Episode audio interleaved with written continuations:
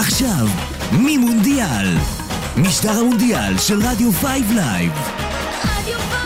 עם קיקה סמואל, נופר בושרי ושחר עזריה. איזה חגיגה של מונדיאל, רבותיי! איזה חגיגה של מונדיאל! ובדיוק בדקה ה-90, כמו כוכב, שמגיע בדיוק שנייה לפני שפותחים מיקרופונים, האיש שעשה את המונדיאל. גבירותיי ורבותיי, הישר מקטאר אלינו, אל תגידו תאגיד אה, ערוץ 11 הכל טוב ויפה, הוא אצלנו כאן ב Five Live, קבלו אותו במחיאות כפיים, עמית לוינטל! שלום חברים, קיקה, מה קורה אגדה? איזה כיף להיות פה, חברים, יא אללה. תשמע, דיברנו איתך בשבועות האחרונים כאן ושמחנו מאוד, קודם כל תכיר שחר עזריה, נופר בושרי, הצוות. שעשינו כאן את מימונדיאל, תוכנית מונדיאל, והרצון של כולם כאן היה האם עמית יגיע אלינו, ואמרתי, אני אעשה את כל המאמצים שיבוא להתארח, אבל אתה עשית את המונדיאל, עזוב את הכל עכשיו, לא, עזוב, מסי, אמבפה, לא, אתה עשית את המונדיאל, חבר'ה, בואו, שניכם קפואים פה כאילו מה, בואו, חבר'ה, אני עוד אעלה היום לבעוט את הביתת פתיחה בטעות.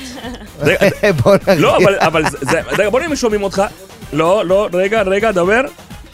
לא, עוד פעם. רגע, דבר.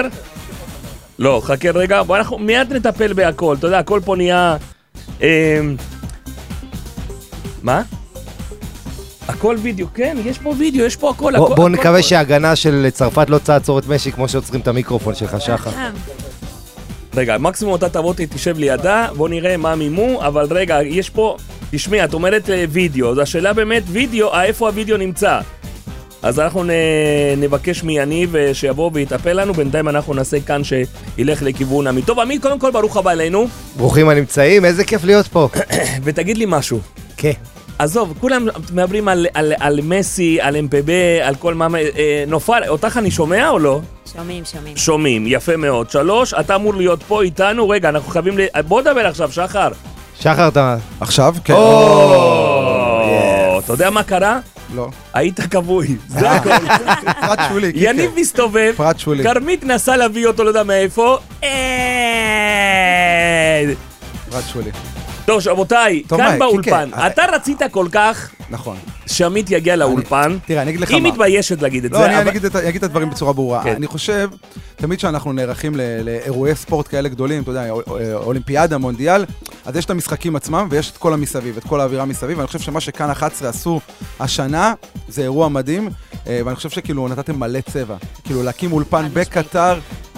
גם אתה, גם טל ברמן, גם שכטר, אני בתור אוהד הפועל באר שבע פתאום גיליתי את שכטר מזוויות אחרות, ואני חושב שהאולפן של כאן 11 בקטר נתן לנו חוויה אחרת למונדיאל, ואני חושב שהצבע שהוספת לאולפן היה, היה מדהים.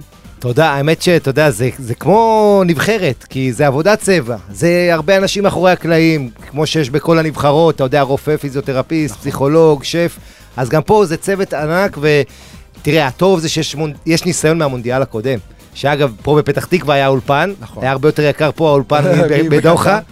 אה, אבל כן, ואתה יודע, חשבו על הכל, אנשים שיודעים לעשות טלוויזיה, ואני חושב שיש פה, אתה יודע, עוד הרבה עניינים, רוצים את הזכויות למונדיאל הבא, אז רצו לתת שואו, אבל בסוף זה האירוע הכי גדול בעולם, והוא ראוי להפקה שמכבדת כן, אותו. אני חושב שגם העובדה שזה היה ב- בעיר אחת בסופו של דבר, ולא מפוזר, אתה יודע, דיברת על המונדיאל הבא, אבל גם המונדיאל הקודם ברוסיה היה מחולק לערים גדולות רבות, שרחוקות אחת מהשנייה, המונדיאל הבא בכלל יהיה ארה"ב, קנדה ומקסיקו, זאת אומרת, היה אפשרות לאחד את כולם יחסית בקלות, כי בסופו של דבר כל האצטדיונים היו מאוד מאוד קרובים, אז גם העובדה שאתה רואה פתאום שדרנים ופרשנים נמצאים באולפן, ואחרי שעתיים נמצאים במגרש, אז זה, זה נותן איזושהי אווירה, ובכלל, הנבחרת שהייתה שם הייתה נבחרת מטורפת. אני קורא לזה המונדיאל האולימפי, זה- כי זה מרגיש כן, אולימפיאדה. נכון, כי זה הכל באותו עיר, הכל נכון. קרוב, הכל עד שעה נסיעה, וכל האוהדים גם ביחד, שזה אווירה מיוחדת. מטורפת, כן. ואין ספק, ואתה יודע, אנחנו, כמו שאמרת, הולכים להגדיל את המונדיאל, 48 נבחרות, זה על.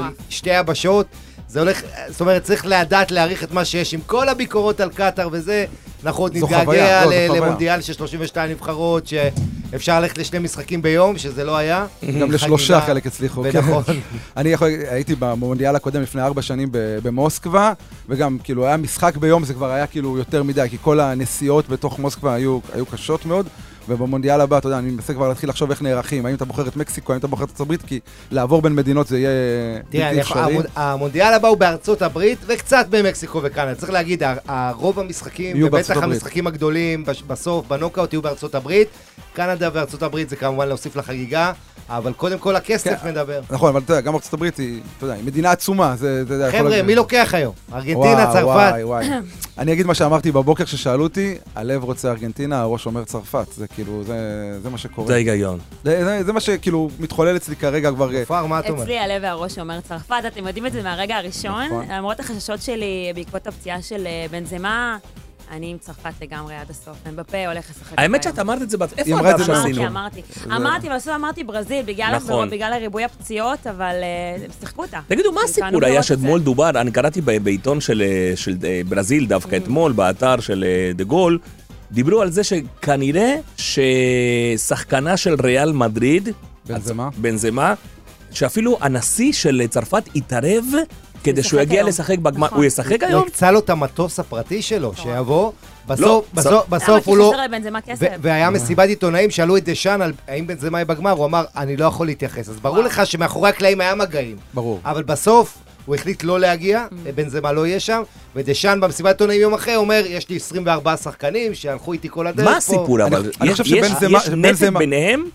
יש נתק בין דשאן לבין בנזמה, אבל גם בין חלק מהשחקנים בקבוצה לבין בנזמה. אני חושב שבנזמה מבין שיש לו רק מה לה- מה להפסיד. כי אם הוא מגיע וצרפת לא מנצחים, זה יהיה עליו, זה יהיה 100% ומצד- עליו. מצד שני, אם הוא עולה מהספסל ושם ושם שער, גול, ברור. אתה יודע, זה כדורגל, אבל תראה מה הסיפור, הסיפור, אה, אני מחזיר אתכם, קלטת סקס שמה, עם אה, שחקן.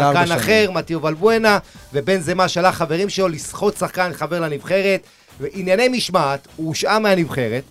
ואז כל ה... הרבה אנשים אמרו איך, אתה- איך שחקן כזה טוב לא בנבחרת. נכון. אמרו דשאן, אני דיברתי הרבה חבר'ה מצפון אפריקה, אלג'יראים, אמרו דשאן הוא גזען וכל הדברים האלה. בסוף בנזמה חזר לנבחרת, אחרי שהם זכו במונדיאל בלעדיו. כן. איתו הם עפו בשמינית הגמר מול שווייץ, ביורו. נכון. ועכשיו בלעדיו הם עוד פעם בגמר, זאת אומרת, הוא שחקן השנה בעולם, ואיכשהו הנבחרת הזו מסתדרת בלעדיו, ו, ובסוף, אה, אתה יודע, היה דיבור שאולי הוא יהיה, אבל אני חושב שמה שעובד, איך אומרים, לא, אל, ת- אל תקלקל מה שעובד. אז צרפת הולכת עד הסוף עם מה שיש לה, עם גריזמן, עם ז'ירו, עם אמבפה, כולם טובים כשאין את בנזמה. כשבנזמה משחק, הם קצת בצל, הם קצת נכון. לא אותו, באותו הרמוניה. ומה הסיפור עם הכרטיסים? הרי מלא אוהדים של ארגנטינה הגיעו לקטר. אתה יודע, אני, אני, מלא. אני צמוד לחדשות בארגנטינה, ואומרים, אנשים טסו לכאן, אין להם מה לאכול. אין. אבל טסו לכאן, אין להם כרטיסים, הם ישנים ברחוב. יש גמחים בארגנטינה? תקשיב, זה לא יאום... בית חב"ד כזה. כי אומרים שה... אתה יודע, ה- אפילו פנו למ- ל- ל- לשרים בממשלה לארגן כרטיסים, עכשיו, שמע, אין, אין. עכשיו יש למעלה מחמשת אלפים אוהדים של ארגנטינה שנמצאים שם ללא כרטיסים. מטורף. מה, מה יהיה? וראיתם אתמול כמה המחיר של הכרטיסים? כן, 3,000 דולר, כן. משהו כזה. ב- באזורים הפחות טובים, כן, בקטגוריה הכי נמוכה. אה, תראה, יש טירוף, ארגנטינאים בטירוף, הם, הם מבינים שזה קרוב יותר מאי פעם, אני חושב שאפילו יותר מההפסד שלהם בגמר ההוא, הם מבינים שהפעם זה הרבה, גם אז הם לא האמינו כמו שהם מאמינים עכשיו, ויש טירוף בארגנטינה. אה, אנחנו רואים מה קורה ברחובות בבואנוס איירס וברחבי ארגנטינה עם, ה, עם השיר של המוצ'צ'וס שמשגע שם את כולם, כן. אה, ואני חושב שהארגנטינאים פשוט בטירוף, בטירוף אגב. הזוכה הגדול של המונדיאל זה הזמר שהקליט כן, את המוצ'צ'וס. כן, כן. הוא לא ידע מה הוא... איזה... תשמע, אתה יודע, זאת-. זאת להקה ארגנטינאית שנקראים למוסקה צצה. צצה, כן. אה, למוסקה, זה חבר'ה, אתה יודע, שמביאים את הפופ אה, הכיפי, מה שאני אוהב לתקלט בחתונות של ארגנטינאים. והבן אדם קצת היה כבוי בשנים האחרונות, כי אתה יודע, הוא מופיע, אבל זה הפך אותו מה, זה ל... מושמע אבל, בטירוף. אבל הסיפור זה שהרי היה, היה את השיר הזה, ואז בא איזה אוהד אחד, אחרי הזכייה בקופה אמריקה שנה שעברה, איזה רומרו אחד, וכותב מילים אחרות על אותו לחן, והגדולה של גיז'ה אז, אמר המוביל, כן. גיז'רמו, שהוא אמר, הוא, אתה יודע, הרבה פעמים אומנים יש להם את הקינה, אני, אני כתבתי את היצירה, אל תיגעו לי. הוא אמר, וואי, זה יפה, אני מקליט את זה, והוא הקליט את זה, וזה הפך ללהיט, שזה. השיר שמסי עם שומע. התוספת על המרקנה בעצם. הוא אמר, שאלו. אותו, אה, זה, אתה יודע, מסי אמר שזה השיר שהוא הכי אוהב, הכי שומע, אז הוא אמר, זה כמו שתבוא ל- ל- לוותיקן והאפיפיור הכי אוהב את השיר שלך. זהו, זהו, שיר עליו, כן. נכון? חצי עליו, חצי על מרדונה, שמסתכל עליהם מהשמיים. חבר'ה, מה שאפשר לומר שמהיום, אנחנו כמה שעות לפני זה? שבע, שמונה שעות לפני ה... מחמש, עכשיו שבע- חמש, שבע שבע שעות. כן. אוקיי. מה קורה אחרי? איך היה לי, התחושה באמת להיות בקטר באולפן עם כל החברים שלך שם, ראינו אותך לפני ארבע שנים גם כן, אבל הפעם זה היה משהו אחר. כן, קודם כל הרעש, הרעש הגדול, שאני נופל פה מהכיסא רגע. לא, אבל בסדר, היה שם חוויה אדירה. תראה, קודם כל, מונדיאל תמיד זה דבר עוצמתי, והייתי במונדיאלים, ואתה זוכר ולוקח חוויות, אבל כשזה במזרח התיכון, שלוש שעות נסיעה, טיסה מפה, עם כל ה... אה, אתה יודע, המורכבות, והחבר'ה מהאזור, מהמזרח התיכון, הערבים, והרבה, והמון ישראלים, אתה יודע, ישראלים ערבים וישראלים יהודים, וכולם שם חוגגים. זה אווירה שאין כמוה, זה בלתי חוזר. תשמע, זה באמת חגיגה. נכון, יש את הצד הפוליטי, כל הדגלי פלסטין, וכמה כן. ששונאים אותנו, ויש את הצדדים הפחות נעימים, אבל... זה, אתה יודע, זה, זה חגיגה רב-לאומית. עמית, ו- אני אומר, מי אוהב אותנו בעולם? מי אוהב? אבל אתה יודע, אחד הדברים היפים שראיתי שם, זה הרב-לאומיות. מה זאת אומרת? בא בחור, אתה רואה אותו לובש דגל ארצות הברית, הוא, הוא אמריקאי ממוצא מקסיקני, היספני, כן? כן. אז הוא בא למשחק של נבחרת ארצות הברית עם המדים של ארצות הברית, צובע את הפנים עם הצבעים של ארצות הברית, הלבן, אדום, כחול, ומעודד באנגלית. והוא אומר, We believe, we will win וכל זה. יום אחרי זה אתה רואה אותו במשחק של מקסיקו, חולצה של מקסיקו, גדול. ושר בספרדית שם. גדול. זאת אומרת, וגם אותו דבר, צרפתים ומרוקאים או טוניסאים, הם אומרים, אני 100% מרוקאי, 100% צרפתי. היום אתה לא אוהד רק נבחרת אחת. ואני אגיד לך יותר מזה, אתה אוהד כוכב לפני שאתה אוהד את הנבחרת. נכון. אתה רואה את זה נכון. אצל פורטוגל, באים לעודד את רונלדו. אתה יודע מה, אתה אומר עכשיו, אני- אה, אתה אולי- אוהד... לא, רגע, אני רוצה להגיד, הייתי, כשהייתי במשחק של ארגנטינה לפני ארבע שנים, במשחק הפתיחה נגד איסלנד, לדעתי זה היה, אם אני לא טועה, אתה רואה בקהל המון אוהדים אה, ממדינות אסיה, שפשוט מעודד- מעודדים את מסי, עם חולצות של ארגנטינה, אבל הם מעודדים רק את מסי. זאת אומרת, הנבחרת? הארגנטינאית, וכשמסי החמיץ שם את הפנדל, הם כאילו היו בטראומה. אני אומר לך שיותר, כולם רוצים בשביל מסי, כולם רוצים בשביל מסי, אוקיי. אני לא, אני אומר, אני, חוץ מ... לא, לא שאני לא, אני כן, אבל יותר ממסי, מה שאני רוצה בשביל ליאונל, אחר. סקלוני. סקלוני. כן. יפה. בשבילו, המאמן שהוא לא מוותר על הטרנינג שלו, כי ככה מאמן צריך להיות במגרש. אני חושב עם שמה- הטרנינג, להיות גאוצ'ו אמיתי. באמת אני אומר לך, אני חושב לא ש- נכון. עם החליפות אה, גוצ'י מוצ'י, ואני חושב שבשבילו, הוא, הוא מדבר בגובה העיניים עם השחקנים ורואים את זה, אבל אני חושב שכאילו, הדבר המיוחד בסקלוני, וקצת דיברנו על זה בתוכניות הקודמות, זה שהוא לדעתי המאמן היחידי שממש עשה התאמות ושינויים תוך כדי המונדיאל, הוא בדיוק. שינה את ההרכב בצורה... בלי, בלי, בלי לפחד, זאת אומרת, הוא פתח עם חלוץ אחד, שכולם מדברים עליו שהוא חלוץ ארגנטינאי המוביל, כוכב אינטר, והוא ראה שזה לא עובד ולא מצליח, הוא שם את כל הביצים על, על ילד בן 21, מ- שחקן מחליף במנצ'סטר סיטי, וזה מצליח לו, גם בקישור, הוא הכניס את מקליסטר, הוא לא פחד לעשות שינויים. כואבים בחלק מהזמן, טוב, ללכת אנחנו- עם האמת אנחנו שלו. נרחיב בגדול על הכל, גם על חוליאן אלוורס, כמובן שאני חושב ש... אה, פפ גוורדיולה, הוא, הוא שיחק אותה כשהוא הביא אותה אליו, אליו למנצ'סטר, ובכלל, מעבר להרבה דברים, יש לנו עוד שיחת טלפון שאנחנו נעשה עוד מעט, אנחנו נפנה לכרמית ונטורה שלנו, שנמצאת באחד ממשרדי עורכי דין, אוקיי. שלא יודע מה הסיפור שם עם איזה חידון אה, מונדיאל, מגניב. אבל אנחנו כמובן נתגעגע בגדול, לפי דעתי, למנגינה הזאת. נכון? לגמרי, לגמרי. זה אני חיכיתי להיות, לשמוע את המנגינה ולראות את עמית כל פעם בטלוויזיה. באמת, אני אומר, כי אם הוא לא היה שם, בא לך, בא לך לעמוד, לא, לא, אם הוא לא, איפה האנרגיות, איפה ה... איפה הצבע? איפה הצבע? החליפות, החליפות עם. הצבע. אתה מבין, הבעיה היא שכולם חושבים שאני מתלבש ככה ביום יום. ביום יום, גם? חיכינו לראות אותך אני עם חליפה ורודה. אני בא לארץ, וכולם, מה, איפה הוורוד, איפה הצהוב, איפה זה, ו- עכשיו אני לובש הרבה יותר חליפות, אני לא אגיד לך. מה שכן, לפחות המונדיאל בחורף, כי מונדיאל קודם זה היה בקיץ. אז אתה יודע, אתה יוצא עם שורטס ועם מכנסיים לגינת כלבים. ו- ואנשים מחפשים לראות אותך עם ו- חליפה. נכון, אבל זה עוזר להסוות את עצמך קצת. אמרתי לבחור בכניסה, אתה יודע, לשומר בכניסה, אמרתי, תשמע, אתה מגיע מעמית לבנטל. אה, זה עם החליפות, אתה תראה, הוא עם החליפה, אל תדאג. בטח תזהה אותו. הוא אמר לי שאני דומה לעמיחי שפיגלר, שאגב... אבל אבל יש משהו, הראשון. אבל אה, יש משהו, זה- וזה נכון. יפה, אני, קודם כל כבוד גדול וכיף גדול, רק שאני צריך לאבד שיער קצת, אבל זהו, חוץ מזה- נכון, זהו.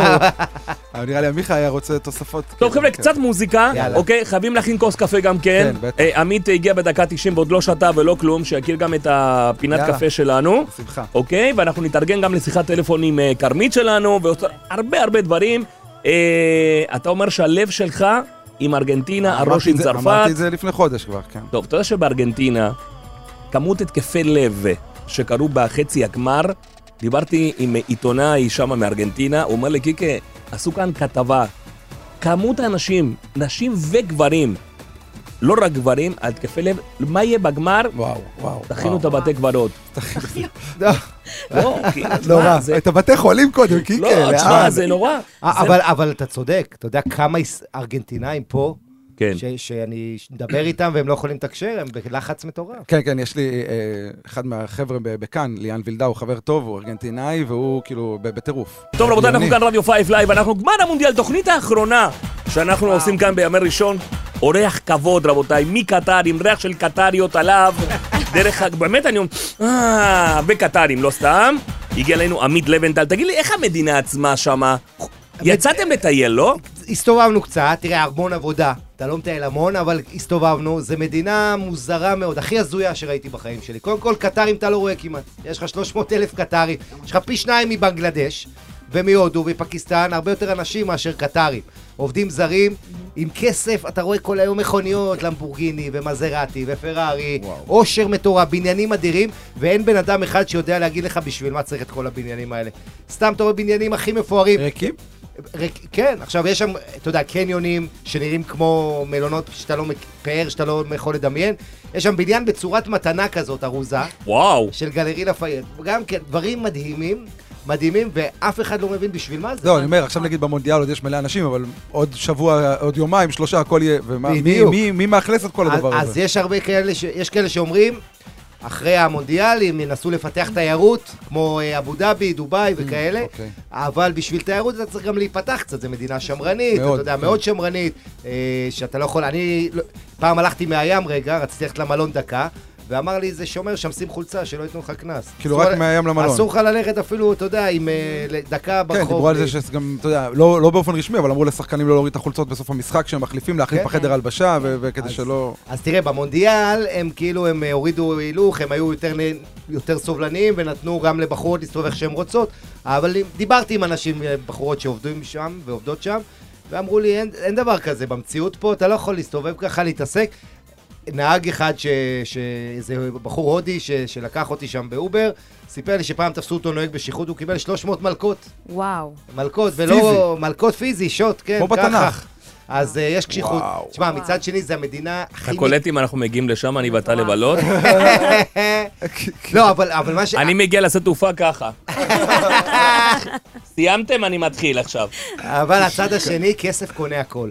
ואם, ואתה יודע, יש שם באזורים הסגורים, לא בחוץ, אבל אתה, יש את המקומות. אם יש לך כסף, אתה תקבל אלכוהול, אתה תקבל ב- בחורים, בחורות, כל דבר שאתה רוצה, כסף מסדר לך.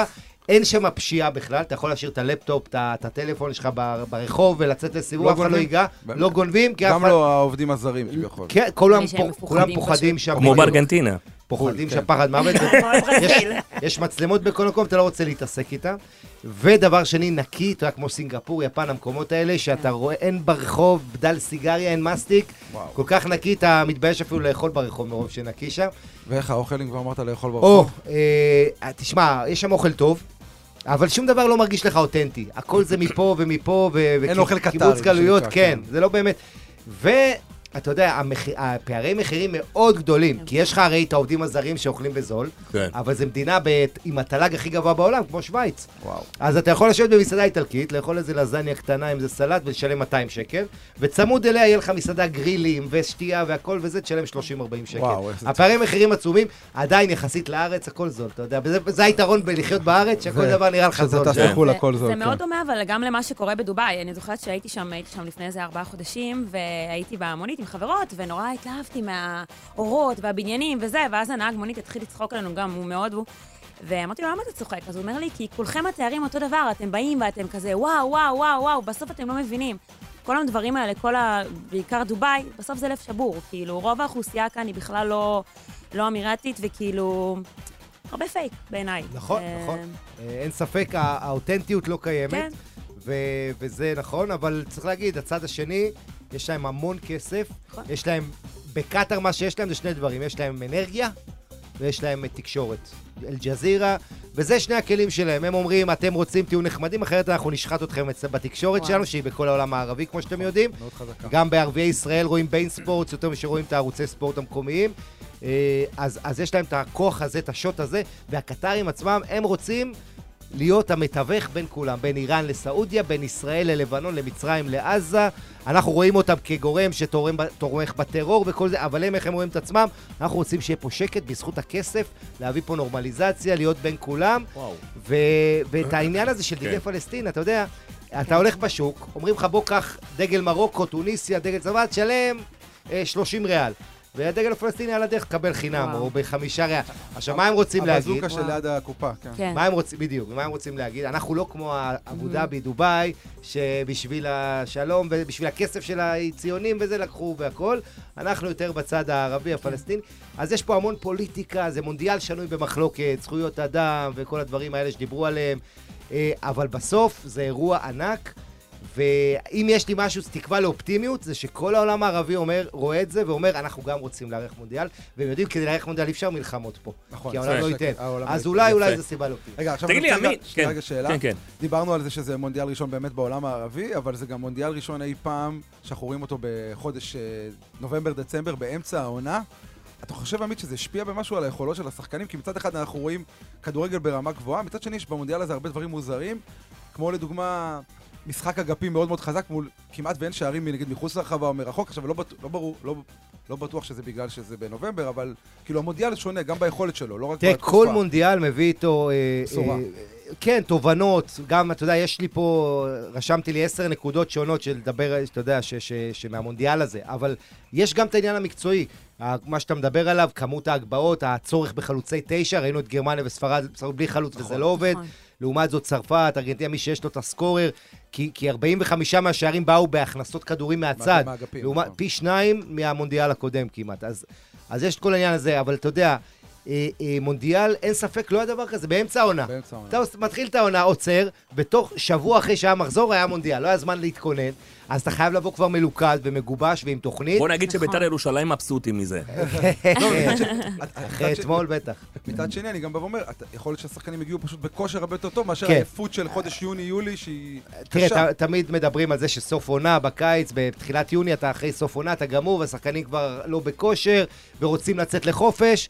נכון, והפעם זה מגיע אחרי שאתה משחק שליש עונה בקצב גבוה, אבל אתה מגיע בכושר, אתה מגיע רעב. אה, אז אתה יודע, אפשר לקחת את זה לכאן או לכאן. בסוף, ה- הח- אתה יודע, יש כמה דברים, אם אתה רוצה שנשים עליהם דגש. אחד, הרמה האתלטית של השחקנים, אין לך כבר שטחים כמעט. ואתה כל הזמן במרדף, איפה יש לי קצת שטח לנצל, או איזה יתרון על, באחד על אחד שאני יכול לנצל, ואתה רואה כמה זה קשה מול מרוקו. מרוקו שמה שני קווים, לך תעבור אותם. איך אמרתי, מרוקו זה כמו איטליה על סטרואידים. ממש ככה. המשמעת האיטלקית היא. הרבה יותר... כן, ואז זה עניין אחד. העניין השני, אה, ראינו את אמבפה, ראינו את הכוכבים, אה, אתה יודע, גם חלק מגיעים, חלק לא מגיעים, אבל כמה זה חשוב להם. כמה הם לוקחים את זה, צוארז, ואת רונלדו, הדמעות, וסון. נעימר. זאת אומרת, התמונות כל כך חזקות. תמונה אחת שווה אלף מילים. אני אתן לך, אני למשל גדלתי באורוגוואי עד גיל 12. 12 וחצי כבר עלינו, ו... אבל באמת, הכדורגל, אורוגוואי, ארגנטינה, ברזיל, זה לפני הכל. זאת אומרת, אני זוכר את עצמי במונדיאל 78, סיפרתי את זה כאן באולפן. 78, ארגנטינה נגד הולנד. כל השכונה שלנו יושבים מחוץ לחצר שלנו בבית, אבא שלי שם טלוויזיה על עדן החלון כדי שכולם יראו. אין לצאת, אין, הכל מושבת, כולם באים לראות אצלי, אצלו, את זה. זה רק כדורגל. הילדים, כולנו היינו משחקים כדורגל בכל כל פינה קטנה. אתה יודע, בדרום אמריקה, כשזה נוגע לכדורגל, אין אף אתאיסט. אין אתאיסטים. נכון. כולם. מאמינים, כן. ויש פה מיסטיקה. תראה את מסי, אוקיי? הרי רק כשמרדונה מת, יצא ממסי המרדונה. יש פה אלמנט במשחק הזה, הכדורגל, יש פה את המשהו הרוחני, המטאפיזי הזה, שאתה אומר, איך יכול להיות? כל החיים כשמרדונה היה, מסי היה ילד הביישן, המסכן הזה שאומרים שהוא לא אותו מסי של ברצלונה, כן. ושהוא מקיא לפני משחקים, ואז איך שמרדונה מת, הוא בא, מתחיל לשיר את ההמנון, מתחיל ל- לצעוק, מקלל מתחיל. לקלל ברעיונות. בוא, בוא, בוא, בוא. ב- כן. בובו. בוא, בובו. קמילה, בובו. קמילה, בובו. קמילה, בובו. אנדה, בובו. אתה יודע, עוד הוא היה עדין. אם זה היה מרדונה, אני בטוח הוא היה משתמש במילים... אבל, אה, אבל, אבל פתאום יוצא ממנו המרדונה, אחרי שמרדונה הלך, אין את הצל שלו, ופתאום הוא יוצא. אז אתה יודע, כל הרוחניות הזאת, זה, זה חלק מהיופי של המשחק, מה... אתה יודע, המשחק, כמה שהוא הופך יותר ויותר אנליטי, ויותר ויותר דאטה, וכל תנועה וכל דבר ששחקן היום וזה, כן. עדיין הרוח הזו היא מעל הכל. השאלה הגדולה, מה יהיה היום? מה יהיה היום? מה יהיה? האם ארגנטינה באמת יקפצו מהאובליסקו שמה, או יחגגו באובליסקו מיליונים מסביב שמה, באמת, או בצרפת... מה יהיה? עמית, מה יהיה? תשמע, אם היינו יודעים, אז לא היה פרנסה לטוטו. לגמרי. אה, אבל אה, אני חושב, תראה, יהיה מאוד צמוד. היה 4-3, אתה זוכר, בשמינית הגמר. זה נכון. היה משחק מטורף בין וואו. צרפת לארגנטינה. שערים אדירים שם. הפעם. אתה יודע איך אומרים, גמרים לא משחקים, גמרים מנצחים. זאת אומרת, אתה בא, כל כדור יהיה קרב. אני מאוד פוחד שארגנטינה סופגת את השער הראשון, ואז השחקנים שם יתחרפנו ויקבלו אדומים, אז זה, זה מפחיד. אבל אני חושב שזה יהיה על האחד-אחד כזה, הערכה. הערכה, ואז, כן, כדור, אני. ואז כדור חופשי של מסי עושה 2-1 ומביא את הגביע. וואו, איזה תס- תסריט ארגנטינה. חלומי, תסריט את. ממשיכה עם צרפת, אני. ממשיכה עם צרפת. עד הסוף. אני פה עם פאנל מלא אוהדי ארגנטינה, קשה לי קצת, אבל אני מתמודדת. אני אמרתי? אמרתי, אני. מאוד מאוד רוצה ארגנטינה, אמרתי לך את זה כן, תשמע, אתה. אמרת מהיום הראשון. אבל הכסף. שלך על צרפת, אתה אומר. אה, על- הראש, הראש אומר צרפת, כאילו... לא, אם אתה צריך עכשיו ל- למלא טופס. אני אאמר, הייתי מהמר על איקס ב-90 דקות, וצרפת בהערכה או בפנדלים. זו, זו התחושה שלי, לצערי הרב. אני חושב שמשהו בצרפת קצת יותר רגוע. הלחץ בארגנטינה ישחק תפקיד מאוד מאוד מרכזי, זה יושב להם בראש. הם כולם בשביל מסי, מבינים שזה המונדיאל האחרון שלו, המשחק האחרון שלו, מאוד רוצים בשבילו. צרפת מאוד רגועים משתי סיבות. אחת, כי הם זכו לפני ארבע שנים, אז יש להם את זה, ושתיים, כי רוב, רוב השחקנים שם המובילים כנראה גם ישחקו בעוד ארבע שנים. בטח הם בפה, אבל גם שחקנים אחרים שם, שחקנים צעירים, אה, גם בקישור, צ'ואנ- צ'ואנמי וגריזמן, ואולי חוץ מלוריס, אני חושב שכולם ישחקו גם בעוד ארבע שנים, וגם איתו אפשר לדעת, שוערים יכולים לשחק גם עד גיל 50 לפעמים, אה, אז קשה מאוד לדעת, אה, הלחץ ישחק תפקיד. אה, אמר עמית וצודק, הכל תלוי בדקות הראשונות, אם צרפת יכניסו שער מהיר כמו שהם עשו למרוקו, הארגנטינאים יכולים אתה יודע מה. ההבדל בין צרפת לארגנטינה? בארגנטינה אין אף אחד שרוצה שצרפת תיקח. בצרפת יש לא מעט שרוצים שמסי ייקח. כן, כן, אתמול ראיתי בכתבה טרזגה, בעיתון, אתמול ראיתי שיש כן. צרפתים, שאנשים אה, עשו כתבה ב- באיזה חנות שמוכרים חולצות של אה, ארגנטינה ושל צרפת, ושואלים מאנשים צרפתים ואומרים, כן, גם הם אוהבים את מסי שם. חולים על מסי. כאילו אומרים, הבן אדם משחק בפריז כבר שנתיים. אה, אומנם, אתה יודע, את רוב הקריירה שלו עשתה- עשה בברצלונה, אבל הוא משחק בפריז כבר שנתיים. דוד טרזגה התראיין אתמול ואמר שכאילו, הוא נכון. מאוד רוצה שמסי ייקח, זה היה נראה לי מפתיע מאוד. אני בעיקר אמרתי לפני זה, בעיקר אני רוצה בשביל המאמן של ארגנטינה, סקלוני, כי מגיע לו, אני כל כך אוהב לראות אותו, עוד פעם אני אחזור על המשפט, עם הטרנינג שלו, כאיש ספורט, ובאמת, בא לעבוד.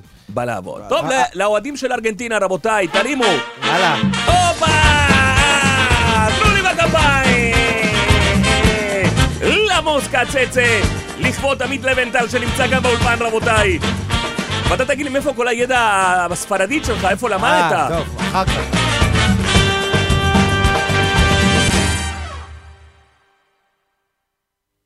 עכשיו, ממונדיאל. משדר המונדיאל של רדיו 5 Live. עם קיקה סמואל, נופר בושרי ושחר עזריה. טוב רבותיי, אנחנו... אה, אה, רגע! אנחנו כאן אה, 39 דקות אחרי השעה 10, בוקר טוב לכל המצטרפות ומצטרפים אלינו גמר המונדיאל מול פני Five Live ואנחנו כאן עם עמית לוינטל, האיש והאגדה, האיש שעשה לנו את המונדיאל וזה שלא תהיה בגמר היום, אני לא יודע איך ויתרו עליך. בוא, בואו נגיד את האמת. אה, הכל טוב, תשמע. אה, בסוף... לא, לא הכל טוב. אנחנו אה, הצופים... אה, תשמע, אני לא, אני לא יכול, אה, אתה יודע, להגיד... המחמאות האלה, אתה יודע מה המחמאה הכי גדולה שואלים אותי? איך אתה לא שם? כן. איך אתה חזרת? כן, כן. תשמע, אני... אה, זה לא... יש דברים שלא תלויים בנו. אה, בקרון אה, האריכו לי את השהות שם, כי היו מרוצים ממני, אתה יודע, הייתי אמור לחזור אחרי שלב הבתים, אמרו לי, תהיה גם בנוקאוט קצת. אז אה, זה, זה מה יש, אתה יודע, יש מאמן, אני שחקן. אתה יודע אני מה, עושה- אני אגיד לך משהו? תנמיך, תנמיך, אתה, תנמיך, אל תגידי. תנמיך, אה, כרמית שומעים אותך, שנייה רגע, את שמה, אצל העורכי דין, רגע. אתה, השנה, אנחנו נראה אותך, לא יודע אם זה בערוץ הספורט, או לא, לא משנה, לא רוצה להגיד אה, פה, מעבר לזה שאתה בספורט אחד, נכון? ואתה... בוואן עכשיו, בוואן, כן, בליגה. הספרדית. אה, כן. אה, אתה בוואן. כן. לא היית בספורט אחד, אבל... הייתי בספורט אחד, הייתי בערוץ ספורט, אני עשיתי וי פה על כל ה... לא רק על כל המונדיאלים, גם על כל התחנות. אבל תקשיב טוב, אתה הולך לככב ובגדול. וואלה, תודה, אני מקווה. חמסה חמסה. מהפה שלך לדייגו, למעלה שם, אם הוא נכון שבא שומע. או למסי. טוב, רבותיי. אבל עכשיו- קיקה בא לי לחבק אותו. לא, אל תדאג. אנחנו עכשיו עוברים לכרמית ונטורה שלנו. כרמית, את שומעת אותנו? אני שומעת מצוין, מה איתכם? יופי. נראה לי שאתם אה, מסתדרים יפה מאוד בלעדיי. ראית את, אה, את עמית? פגשת אותו? מה זאת אומרת? אני העליתי אותו למעלה, אני פגשתי אותו, אני חיכיתי לו עד שהוא הגיע למפתן הדלת של אולפן רדיו. עלייך. טוב, אני חייבים לספר למאזינים שלנו, את נמצאת כרגע במשרד עורכי דין יהלומי, נכון? שמייצגים את נכון מימון מאוד. ישיר, וכרמית... משרד עורכי דין יהלומי, וכולם פה, כל אחד פה יהלום בפני עצמו. איזה יופי. זה מרגיש. ואת הגעת אליהם לשחק איתם במשחק אווירת המונדיאל, שבסיומו תחלק, מה את כן. הולכת לחלק להם? ערכת אה, ממונדיאל, משהו כזה? אז ככה, הם היו פה, איך שהם ראו את הערכות, הם לא נתנו לנו אפילו צ'אנס שאני אשחק איתם לפני קבלת הערכות, ולכן הערכות כבר בידיהם, אבל בכל זאת הם יעשו השתדלות והם אה, יענו אה, כמו שצריך למשחק המימונדיאל שלנו, כן. אה, לקראת ערב הגמר שמתרחש היום בערב. לפני שאנחנו נתחיל, כן. אני רוצה קודם כל להציג את עורך דין מור, מה נשמע? בסדר גמור, מה שלומך? אני בטוב, אתה לחוץ קצת לפני המשחק, כי החברים פה די לחוצים. לא, אני לא לחוץ, האמת אני כבר יודע מה יהיה התוצאה, אז אה, אני ידעתי שאני קם היום ליום רגוע כמו כל יום אחר. וידע כללי במונדיאל יש לך? יש, טיפה. כי אתה נבחרת בפינצטה, לא סתם. אני מאמין שאני אייצג את הפירמה בכבוד. תגידי, אפשר לשאול אותו. שאלה, אה, כרמית? כן, הוא שומע אותך. הוא שומע. שלום לך. היי, מה שלומך? הלב שלך בצרפת, בארגנטינה, היכן? הלב שלי בארגנטינה מלא מלא, אוקיי. והראש? והראש, אה, הראש עכשיו במשרד. תקשיב, היום אתה לא מוציא שום תביעה לאף אחד. תהיה רחמן היום. שחר, בבקשה תתערב. הוא לא... לא, היום אתה לא מוציא... היום אתה בחופש. כמו בארגנטינה, יום ראשון מתכוננים לגמר. שיעשה סיאסטה איזה 6, 7, 8 כן, שעות. כן. בוא, עזוב, נו, אנחנו זה שבע שעות לפני הגמר הגדול. תעשה לי טובה, אוקיי? אוקיי. יאללה, בוא, נתחיל עם החידון, כרמית. קדימה, אז אני מתחילה עם השאלה הראשונה. חברים, אתם מוזמנים לעזור לו, מי שיודע, הנה, ישר הם התיישרו כולם. אנחנו חבל גם שלא נעזור לו. יכולתי לצלם את זה, איציק בובו, זה היה הזמן. איציק בובו. בובו. בובו. בובו, כן מילה, בובו. בובו, כן מילה. מונדיאל. יפה. אה, אני אתן? לך הזדמנויות. רגע, מה השאלה? לא לא לא שמענו, לא. שמענו. חברים, מה מקור השם מונדיאל, ואני אתן לכם אופציות. אוקיי. אליפות כדורגל, עולמי או היום שלי. עולמי. כל הכבוד, איפה הכפיים שלכם? הנה! אני עוברת לשאלה הבאה. בכמה איצטדיונים שיחקו במונדיאל 2022? לתת לך אופציה? רגע, לפני האופציות, תני לי לנחש. אם אני לא טועה, ארבעה. לא. תני לי אופציות. אוקיי. רמז אבי ניבני. שישה, רמז. שישה איצטדיונים, ארבעה איצטדיונים, שמונה או חמישה? חמישה. לא. שמונה. שמונה. חברים, כל הכבוד לכם. השאלה... שמונה במרחק של מסך לי 75 אוזנייה, קילומטרים. השאלה, השאלה הבאה. איזה נבחרת זכתה במספר אליפויות הגבוה ביותר? גרמניה, ארגנטינה, ברזיל או איטליה? ברזיל. כפיים, חברים. כן! שאלה הבאה, היכן נערכה תחרות המונדיאל הראשונה בשנת 1930? אורוגוואי, ברזיל, ארגנטינה או איטליה? איזה מדינה יפה אורוגוואי, אני אומר לכם את האמת. בסלון של? קיקה. תני לי עוד פעם את האופציות. אני באורוגוואי מדינה יפה. אורוגוואי מדינה יפה. נכון מאוד, קיקה, יופי. קטנה ויפה. תחרות המונדיאל הראשונה בשנת 1930? אורוגוואי, ברזיל, ארגנטינה או איטליה? אורוגוואי מדינה יפה, אתם יודעים? אורוגוואי, חד וחלק. יאיי! זכתה? מי אה, זכתה, קיקה? היא גם זכתה בתואר זכתה, האליפות. אתה ידעת את זה? זה אני לא ידעתי. בבקשה, אישה חידשה לך פה משהו. חברים, השאלה האחרונה. נעבור לשחקנים. איך אתה בשחקנים, מור? מצוין בשחקנים. איזה שחקן כבש גול עם היד? אה, נו, נו, באמת, באמת. נו. נו. גי- גילי לנדאו. בדרבי.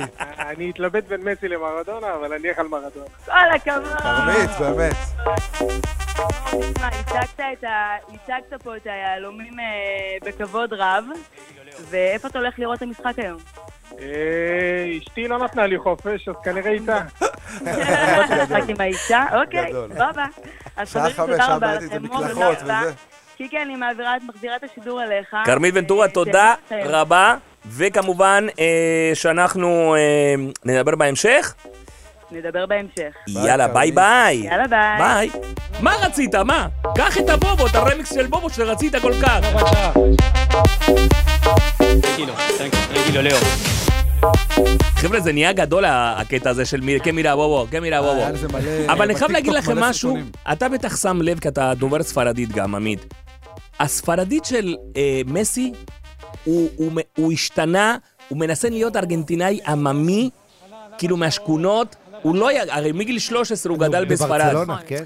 כאילו, ו- ואני חושב שזה לא כל כך יפה שהוא מנסה... קסטלז'אנית. לא, הוא, הוא, משנה, הוא מנסה להיות כמו החברים שלו ב... דיברו על אלטון ג'ון, שהיה עליו ביקורת באנגליה, אתה אמר- נהיה אמריקני, אתה עושה מבטא אמריקאי בשירים בשביל להתחנף לשוק.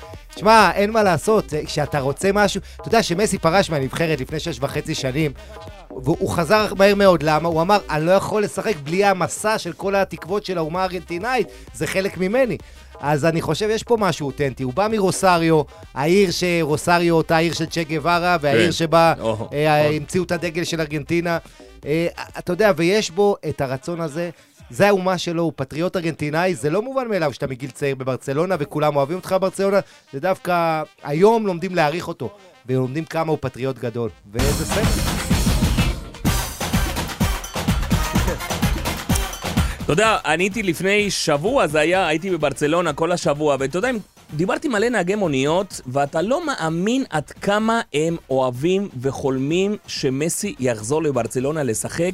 הייתי בטוח שגם את ה... דרך אגב, המשחק בין, אה, בין ספרד למרוקו, ראיתי שם בפלאסה קטלוניה, הייתי בטוח שסוף המשחק יהיה קצת בלאגן, כיסאות יעופו, כלום. הספרדים הלכו רגועים, המרוקאים מתפרעים, בלאגן, אתה יודע, השוטרים לא האמינו עד כדי כך.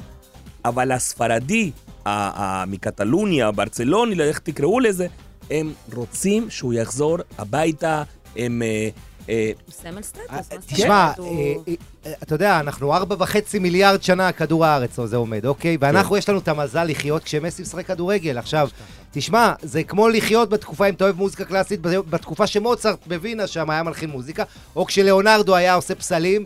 זאת אומרת, אתה רואה את הכדורגלן הכי טוב שהיה. עכשיו, זה מרגש, אתה יודע, אני, אני אומר, יותר משמסי צריך את הזכייה היום ב- בגמר. הכדורגל צריך שמסי ייקח, אתה מבין? כי זה מתבקש. אתה יודע, מסי זה כל מה שיפה בכדורגל. הוא נראה כמו הבן הקטן הזה של השכנה פה ממול. כשהוא התחיל לשחק, היו כאלה שאמרו לי, הוא אוטיסט, הוא בכלל לא מדבר, הוא לא מתקשר, יש לו בעיות תקשורת. אה, אה, זה הבחור הזה שנגד כל הסיכויים, עם הטיפול בהורמון גדילה, כן. שהיה צריך לממן לו את הנסיעה, וככה הוא הגיע לברצלונה. כל, הס... באמת, ההצלחה נגד כל הסיכויים, בחור קטן כזה, בקושי מטר שבעים, לא איזה ז'לוב ענק עם איזה, אתה יודע, גופייה, איזה שרירים. לא איזה יפיוף כזה. כן, ו- לא וזה זה מה ש... קריסטיאנו רונלדו. אבל זה מה שיפה בכדורגל, שאתה יכול, גם מי שהכי לא נראה ספורטאי, וזה, והוא הדבר הכי גדול שיש. תשמע, יש לו נפש של אומן, מסי, הוא מצייר עם הכדור, זה כמו מכחול הרגל שלו. ואתה שם, ואתה יודע, מדברים על השער עם 791 גולים ו-350 בישולים וכל... אבל זה לא המספרים הסיפור. הסיפור זה שכשמסי מאושר, מאושר, הכדורגל בשיאו. וזה זהו, הסיפור. והשאלה, האם... אם הוא לא מנצח, אם הם לא מנצחים ארגנטינה, יש כתם או אין כתם? כי אני מבחינתי, מסי הוא הגדול מכולם, לא משנה גם מה יקרה היום. נכון, אבל, אבל, אבל יש את הלחץ, כי אתה יודע, הוא הפסיד ברור. את הארבעה גמרים האלה. צריך להגיד, הלחץ ירד בגלל הזכייה קופה. בקופה אמריקה, נכון. כמו שאתה אומר, ואחרי זה גם ניצחו את איטליה באלופת אירופה ואלופת דרום אמריקה, כן. איזה תואר חדש. אבל ירד קצת הלחץ, מצד שני, כמו שאתה אומר, יש הרבה מאוד אנשים, האפיקורסים כופרים במסי, כמובן אוהדי רונלדו, אוהדי ברזיל, אוהדי לא כן. משנה מה, שלא רוצים שמסי ייקח, ומחכים בפינה להגיד איזה לוזר, מפסיד גמרים, לא מגיע. אני חושב, הפעם, תראה, הדרך שמסי עשה לפה, הוא נותן טורניר הכי גדול הכי שראינו גדול. מאז דייגו ב-86. נכון, נכון. חמישה גולים, שלושה נכון. בישולים. אם היום הוא שם גול או מבשל, הוא שחקן ראשון בהיסטוריה שכל משחק נוקאוט עד הגמר כולל, כולל כובש. הוא כובש, אתה מבין? אז... אז גם אם היום איכשהו זה ייפול, יש לו כבר מספיק body of work בטורניר הזה כן, תראה, הוא- הוא לגדולה הגיע- שלו. הוא הגיע לטורניר הזה, כמו שאמרת, כשהוא עד עכשיו לא הופיע בכל הארבעה המונדיאלים הקודמים. פשוט, הוא לא היה- לא היה נכון. טוב. גם כן. כשארגנטינה היה הגיעה בלי לגמר... שער בנוקאוט. אה, אה, כן, לא- בלי שער בנוקאוט, וגם כשארגנטינה הגיעה לגמר, ראית שזה לא מסי האמיתי, וכאילו פה בטורניר הזה, גם אם הוא לא יזכה, רואים מסי אחר, הרבה יותר נכון. משוחרר. הבישול שלו נגד הולנד, זה כאילו, זה זה מסי שלפני עשר שנים בגאונות של ה- של עכשיו, הדברים. תראה, יש פה את העניין גם של איך זה ייגמר. כי אם, אם במקרה הוא עושה איזה שטות ומקבל אדום, ברור, כן. שמיותר, אתה יודע, זה, זה משהו אחד. אם הוא יעשה הכל, ובטח שהוא ייתן הכל, וזה לא ילך, אז, אז אה, משהו אחר. אתה יודע, יש פה את הנסיבות, צרפת נבחרת אדירה, אבל אין ספק להיסטוריה, למורשת, שאתה בצל של דייגו, ושאתה חייב, אתה השחקן הכי טוב שהיה, ואז, אז כולם רוצים, ואני מקווה מאוד רוצים, שזה ייגמר. שמעתם כבר- את הסיפור של המורה אה, מכיתה א' עד ד' שהיה למסי ב- ברוסריו? לא. לא. אז אני ראיתי בחדשות בארגנטינה, בטלפה, אה, ראיינו אותה. אה, היא הייתה מורה שלו מכיתה א' עד כיתה ד', והיא לצערי מאוד חולה על סף אה, סוף חייה, והיא כתבה לו מכתב. וראיינו אותה, וכתבה לו מכתב שהחלום שלה זה לפגוש אותו פעם האחרונה לפני שהיא כבר אה, הולכת. וואו. אה, אישה צעירה, דווקא לא מבוגרת כל כך, אבל היא חולה במחלה לא עלינו, והיא כתבה לו מכתב, המכתב הגיע לאבא של מסי, ממש מכתב, בכתב יד כזה, הכל ממש כמו פעם, והוא אמר לה, ברגע שאנחנו נזכה בגביע, נגיע לרוסריו, נבוא אלייך עם הגביע. אז הרבה אנשים באים אליה, סיפור ל- מרגש. סיפור מרגש מאוד מאוד, ודרך אגב, בגלל המצב הכלכלי, אז התחילו גם לעזור לה שם אה, מקורבים למסי ברוסריו עם אה, שיפוץ הבית וכל מיני דברים כאלה שאתה, כן. טוב, אני רוצה, קיקי, ברשותך, שנדבר קצת אה, כדורגל, בסדר? ודיברנו הרבה על מסביב. האם, אני שואל את, שני, את שלושתכם, האם אה, אחד המאמנים צריך היום, דשאן או סקלוני, לעשות איזשהם התאמות לנבחרת, או ללכת עם מה שהם הנה, יש לך את המומחה לידך. ברור ש- קודם כל, נו, אה, פה יש גם נכון, מומחית. כן.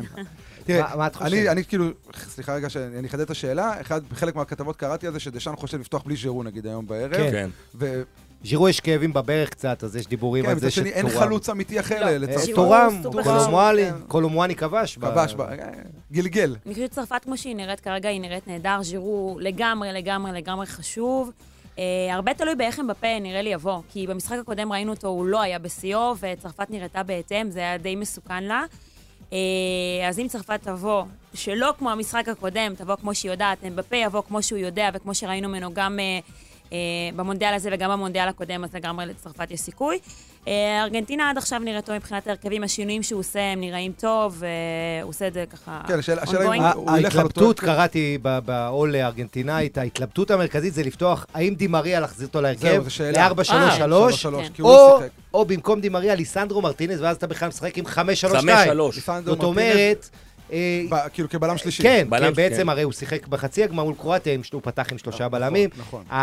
דיברת על סקלוני והשינויים שהוא עושה גם במערכים, גם הוא עושה פרסונלית. התאמות לנבחרת הוא שמולו עשה. התאמות וזה המפתח. לא, אגב, הוא פתח עם שלושה בלמים נגד הולנד. נגד הולנד, כדי נכון. להתאים את, אה, נכון. לכנפיים, לדמפריס נכון. ולבלינד. נכון. אז, אז אה, תשמע, אה, אה, זו ההתלבטות, אני חושב שהוא יעלה עם שלושה בלמים, זו התחושה שלי, כן. כדי להתמודד גם עם אמבפה, לתת עזרה. נכון. נכון, כן. לעזור מול המתפרצות של צרפת. וגם, אתה יודע, קודם כל אתה רוצה לא להפסיד גמר. אתה לא, לא, אתה לא חושב יותר לתת את הגול, אתה יותר- חושב איך אני לא חוטף בהתחלה, בלי ונשאר. בתמונה. ו- ונכון, עכשיו, לגבי צרפת, תראה, נכון, יש את גריזמן ואמבפה, כל השאר, חוץ מגריזמן ואמבפה, הם ברי תחליף, וזה הסוד של צרפת. נכון. הרי, הרי צרפת הגיעה בלי בן זמה, שחקן השנה דרך בעולם. אגב, אני אוהב לשמוע את גריזמן שמראיינים אותו ב- בספרדית. אתה יודע, הוא- נדבק לו המבטא קצת ספרדי, אבל בעיקר המבטא ה- הארסי הזה של אורוגוואי. כן, בגלל גודין. גודין גוד- וחימנס. תקשיב, זה כל כך יפה לשמוע אותו, ואז פתאום יוצא לו איזה אה, זה כזה, אה, אה, צרפתי כזה. שזה, כאילו דיברת על אה. על גודין וחימנז, אתלטיקו מדריד זה הקבוצה ששולחת הכי הרבה נציגים לגמר, ארבעה. כן. זה מפתיע. אה, כן? כן, ארבעה. אה, יש כן. גם, אה, אתה יודע, יש, אם אתה הולך שחקנים שהיו בעבר, גדלו בקבוצות, אז תיקח את ריבר פלייט, שיש לה הכי הרבה כן, לא, נציגים, בסדר, כן. ובסדר. ביתו של אה, אלוורס. כן. אז בעצם מה שאתה אומר, מבחינתך, כאילו, שני הבנקרים היחידים בצרפת זה... אני אומר, ש... גריזמן אני אומר ואמבפה. דבר מאוד פשוט. ל- ל- אה, בחצי הגמר היה, היה חולים, כן, נכון, השפעת כן, בצרפת, אז רביו, לא שיחק נכון. הבלם upamecano, יצא להם רק טוב, כי קונטה זה הבלם הכי טוב שבטורניר כשהוא נכון, משחק. נכון. אז בצרפת יש לך עומק איכותי. וגם ראינו את רביולו משחק ו... נכון, דווקא פופנה לא היה הכי טוב. כן. אגב, שזה עניין, כי, כי אנחנו ראינו את רביולו משחק, פופנה לא היה טוב, וקמבינגה לא נספר. נכון, ו- ועוד פעם, ויש לך על הספסל שחקנים נהדרים שלא משחקים בצרפת ויכולים לתרום. בצרפת יש לך עומק. אני מזכיר לך שהאמצע הקישור היה במונדיאל הקודם, קנטה ופוגבה. ומטודי. נכון. ו- ומטווידי ומטווידי, גם, נכון, נכון. נכון. אז שלושתם לא פה. ועדיין הנבחרת הזו יש לה כזה עומק וכזה איכות, ועוד שחקנים שלא זומנו אפילו. מצוינים, אנקונקו שנפצע ודיאבי גם. יש, בצרפת, מטורף. היום, מטורף. מה שפעם דיברנו על דרום אמריקה שמייצרת הכי הרבה שחקנים, היום אתה יודע מה האזור שמייצג הכי הרבה שחקנים טובים? האזור של פריז רבתי. כל השכונות מהגרים שם, בונדי, אז יש כבר אה, קטן בונדי של מהגרים, אמבפה בא משם, קולו מואני גם בא וואו. משם. זה מייצר לך, אתה יודע, איכויות שאדירות. זה, זה, זה סגל כאילו מטורף, זה באמת, מטורף. הצרפתים אה, באמת מייצרים כאילו כמויות של שחקנים, ו, וזה לא כאילו פתאום קורה, ראינו אותם זוכים לפני ארבע שנים, וכמו שאמרת, כל האמצע התחלף. ו- בדיוק, ו- עם לפחות המציא את חמישה גריזמן שחקנים בתפקיד שהיו להם חדש. בנבחרת הקודמת. כן. כן, בעצם ההרכב הזה, אגב, זה נכון גם לארגנטינה, שלעומת המונדיאל הקודם יותר מחצי קבוצה השתנה, בארגנטינה רק אוטמנדי ודימריה נשארו עם מסי מאותו הרכב, כן, נכון. ובצרפת גם, חוץ מהחבר'ה המוכרים, אתה יודע, לוריס, ורן במרכז ורן, הגנה, כן. ז'ירו, גריזמן, אמבפה, חוץ מזה כל ההרכב כולם התחלפו. השתנה, דמבלה אז היה בסגל, אבל לא היה לא בהרכב. קונדה לא היה אה, ברור, כן. ברור. ארננדס. כן. אבל, אבל תראה צרפת כמה עומק יש לה, ובסוף, אני חושב, אתה יודע מה, בקישור גריזמן כמה שהוא טוב, ארגנטינה, עם דה פול במיטבו.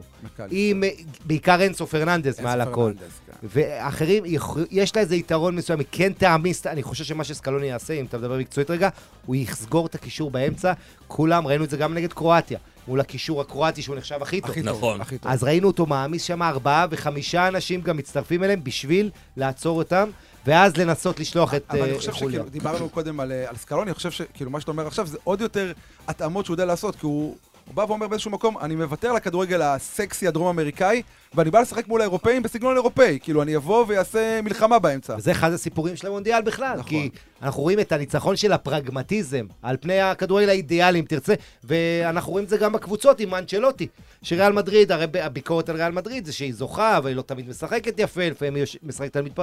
אז ראינו גם בנבחרות, גם סקלוני, זה לא כדורגל סוחף. ארגנטינה לא נתנה פה הצגות לא. אה, אדירות. אבל המון קשיחות. אתה יודע, ארגנטינה מובילה את המונדיאל הזה בקטגוריה אחת, הכי מעט איומים לשער שלה. זאת אומרת, דווקא וואו. הקשיחות, וואו. דווקא זה שהם לא נותנים ליריבות להגיע מולם למצבים, זה עוזר מעל הכל. ולעומת זאת הם פוגשים את צרפת שהיא הכי מסוכנת, שהיא הכי מאיימת, שהכל הולך לה בקלות בנונשלנט. אז יש פה קרב סגנונות, קרב בין הקור רוח הצרפתי הזה לחום המזג הארגנטינאי, ווואלה. ש- שאגב זה מדהים, כאילו, אתם זוכרים את ההתחלה, התוכנית הראשונה שלנו, גם אני לא זוכרת את מי העלינו, אבל כאילו, כל כך לא ניחשנו שצרפת אה, תגיע עד הסוף. אפילו הגדרנו אותה כ- ככנראה מאכזבת ש- אני חשבתי הטורניר. שתהיה מאכזבת. כולנו חשבנו מאכזבת אני חושב שזה. הנחות יסוד שאנחנו חיים איתם, שתמיד אה, אלופת העולם מגיעה למונדיאל שאחרי ומפשלת, אז כאילו חשבתי שזה מה שיקרה גם אנחנו בצרפת. נלחמים את המלחמה הבאה על סמך מה שאנחנו חושבים על המלחמה כן, הקודמת, כן. והרבה פעמים נופלים. על צרפת, מה אמרנו לפני הטורניר? כל אלופות העולם האחרונות מאירופה נכון. עפו בבתים. אבל, וחוץ לצרפת הגיעה ברצף רע, היא לא ניצחה שישה משחקים נכון. לפני המונדיאל, הפסידה לקרואטיה, לדנמרק, פציעות. כל השחקנים מפתח. אבל זה, הרבה פעמים זה טוב, כל הדברים האלה, כי זה שומר על שקט, וכשיש לך נכון, אחד כמו. דשאן, אז אה, אתה יודע, אלה- הנה, לקיקי היה את אוסקר וושינגטון טאברס, מאמן 80 שנה. ה- אתה יודע, הפרופסור והאיש הזה שהוביל והמנהיג, וכמה זה עוזר שיש לך דמות מרגיעה כזאת מאחורי הקלעים. כן. ובכלל, קיקי, אני מת על הכדורגל האורוגוואי, אתה יודע, לא, אבל, אני אמרתי, עם כן. כל הרצון שלי, אמרתי בהתחלה, אורוגוואי לא, לא תגיע, לא תגיע, יש, יש בעיה שם. גם המאמן, לפי דעתי, הוא לא עשה שינויים, אה, הוא המשיך עם אותו קו של טווארס, ו... כי גם, צריך להגיד, אתה אומר משהו, על לא תגיע, אורוגוואי זה מדינה של כמה, שלושה וחצי מיליון אמרנו? כן, כן. כן. היא הגיעה למונדיאל, היא מגיעה כל, כל ארבע שנים למונדיאל. אתה יודע, זה- הגיע זה- בשיניים, גם פעם הקודמת, תמיד מגיע בשיניים. אבל כן. הגיעה, אבל, הגיעה. אבל בעיני אורוגוואי זה פעמיים אלופת נכון, עולם, זה כן. האימפריה, אורוגוואי זה האימפריה הראשונה שהייתה בכדורגל. אתה יודע למה בכלל הקימו את המונדיאל? כי היה טורניר אולימפי ב-24 פריז, ואחרי זה באמסטרדם 28. ושם הנבחרת של אורוגוואי, כל העולם ראה והתלהב. אתה יודע, הם הציגו אגב את השחקן השחור הראשון, את אנדרדה, אם אתה זוכר, פעם בשנות ה-20. זאת אומרת, הם תרמו למשחק הזה הרבה יותר מרק את הכדורגל, והנבחרת כוכבים הזו שהתלהבו ממנה באולימפיאדה, אמרו, אנחנו רוצים עכשיו לראות אותה רק בגביע העולם לכדורגל. ואז הגיע למונטווידאו, הגביע הראשון, כן. ושם, אתה יודע, בוא ורלה. ורלה. קפטן ב-50, אתה יודע שהמילה היחידה שהוא ידע באנגלית זה Chesterfield, הסיגריות. נכון! סיפור ידוע, נכון. כן. כולם בהלם ממנו. עוברים, עוברות פה, כולם בהלם, אתה יודע, הם אנציקלופדיה, חוזרים. כמו שאמרת, כן. בוא, עמית, אתה אנציקלופדיה, מאיפה זה בא כל הידע? מגיל קטן? כן. בוא אני- נספר, קצת מאלה לשמוע ש- על על עצמך. אני הייתי מאלה שקוראים את העיתון, אתה יודע, גדלתי ב... נולדתי ב-1980, אז אני כבר ותיק, למרות שהרבה חושבים שאני יותר צעיר, אבל... אה, אה, אז אני כבר לא ילד. וגדלתי, הייתי קורא את העיתון עד הסוף, את כל הספורט, ואוהב. ואני דרך הכדורגל למדתי איפה נמצאת כל עיר בכל מדינה. אתה יודע, מדהים, ככה למדתי גיאוגרפיה. מדהים. וואו, וככה איזה למדתי יופי. תרבות ושפות וביטויים, ודרך זה, אתה יודע, אתה נכנס לפוליטיקה ולהבין את... ו... אתה יודע, יש לי משפט, דרך סקס וכדורגל למדתי הכל בחיים, אז את החלק הראשון אולי אסור להגיד ברדיו, אבל, אבל למדתי באמת אה, המון, ו- וזה הכיף, אתה יודע, ניצלתי את הכדורגל בשביל ללמוד על הכל, על הרבה יותר מדהים. מעבר, וזו זכות גדולה, תשמע, זה המשחק נתן לי כל כך הרבה, ואני אסיר תודה. אני מסכים. טוב, כאילו, אפשר איזה. אתנחתה קטנה של מוזיקה, כן, שנכין עוד פעם בטח. קפה. ונשתה ו- ויהיה, כי אנחנו כבר אה, שעה 11, מה, רבותיי. מה נשמע? מה נשמע, קיקי? אה, תשמע, קודם כל, אנשים בהלם מהתגובות, אני רואה קודם כל- באינסטגרם, שהגעת אלה... היום, דרך אגב, מישהו שואל אותי פה, תשאל אותו איפה הוא נמצא במהלך הגמר. לא, בבית לא, אני אגיד לך, היום אני בבית. החלטתי שאני רוצה להיות בבית משתי סיבות. כי נתת הרצאה לפני כמה ימים ברמת החייל. נכון. אוקיי. נתתי גם בבן גוריון יום לפני זה, אבל בחצי גמר... בן גוריון לידך. כן, צמוד, ב- כן. נכון. צמוד. אבל ב- בחצי גמר זה היה בערב, זה היה... היום בגלל השעה, ובגלל שבא לי לראות את המשחק כמו שצריך, וגם- ולנגן על הפסנתר החדש. וגם יש לי פסנתר חדש שמגיע היום, וגם אני צריך לה- אחרי זה להקליט פודקאסט סיכום ב- בוואן שאני עובד, אחרי, מיד אחרי המשחק, אז בגלל כל הסיבות האלה החלטתי לראות בבית. גם המתח הורג אותי כמו כולם. ברור. וואו, וואו. טוב, אנחנו חותמים שעה ראשונה, מיד שווים אליכם אחרי המוזיקה והכל, ואנחנו נמשיך, ואני אשאל אותו, כן, אני שואל, תירגעו, אני אשאל אותו. לא, אתם כותבים... לא, משגעים. אתה אושיית רשת, קיקה. לא, כן. תשמע, אני אגיד לך למה, כי כולם רוצים... בהלם שהוא נמצא פה, ברור. אז אנחנו נשאל אותו על כל השאלות בעולם. עכשיו, ממונדיאל, משדר המונדיאל של רדיו Five Live. רדיו Five קיקה סמואל, נופר בושרי ושחר עזריה. ממונדיאל! הגמר הגדול היום בשעה חמש. שחר, כמה שעות אנחנו לפני הגמר הגדול? שש, שש שעות. שש שעות. עמית, כמה שעות אנחנו לפני הנפת הגביע שמסי תניף? אה, 120 דקות. שמונה? נופר כמה בכי אמבפה וכל החבר'ה שלו? אה, אין שקריאן. ישירו לך, ישירו לך הלל הבלוז, ישירו. לך. טוב, הלל האמת, הבלו. ארגנטינאים כותבים לי, קיקה, מספיק להביא על ארגנטינה שתנצח, אל תעשה. כן, בוא נעבר על צרפת. הלל הבלה. מופה, מופה, אה? כן, אוללה. דווקא רציתי אגב, להשמיע... איזה- דיברת על השיר של המוצ'צ'וש, אבל יש את השיר אה, שאחרי הזכייה של צרפת במונדיאל הקודם. les Bleus? Allez les Bleus. זה שיר אה, חזק. כאילו, הוא רץ אה, ארבע שנים והוא לא... אה, כתבתי עוללה... לא, לא, זה הלל ל- les Bleus. Allez les Bleus. Allez les Bleus? יש. אה, בדיוק אה, סרטון טיקטוק ממש מצחיק. שהם שרים את השיר, ורוב השחקנים. שכאילו בשיר, הם הם לא נמצאים כרגע בנבחרת, כי הם פצועים, כי ההוא כן. כמעט נכנס לכלא. אז יש על זה סרטון ממש ממש כן, מראים מצחיק. את ה- את- השיר, כן, את השם, ואז. רואים אותו בבית חולים, או רואים את ההוא כזה מאחורי סורגים, אז... אה, כן, כי באמת, פה, כאילו, דיברנו על זה גם בשעה הקודמת, רוב כן. השחקנים שהובילו את צרפת לזכייה הקודמת לא נכון. נמצאים, אבל אני חושב שזה הסוד שלהם ויש גם עניין. של לאומיות וכדורגל. בארגנטינה כולם פטריוטים, חולים, מלווינס, ואתה יודע, כל ההיסטוריה וכל הנשמה. ובצרפת זה הרי נבחרת שהרוב הרוב השחקנים שם הם בני מהגרים. ואז יש את ההתייחסות, האם הם באמת צרפתים? אתה יודע, הרבה, בן, בן זמה אמר פעם, כשאני כובש שער אני צרפתי, כשאני מחמיץ פנדל אז אני פתאום מהגר אלג'יראי. כן?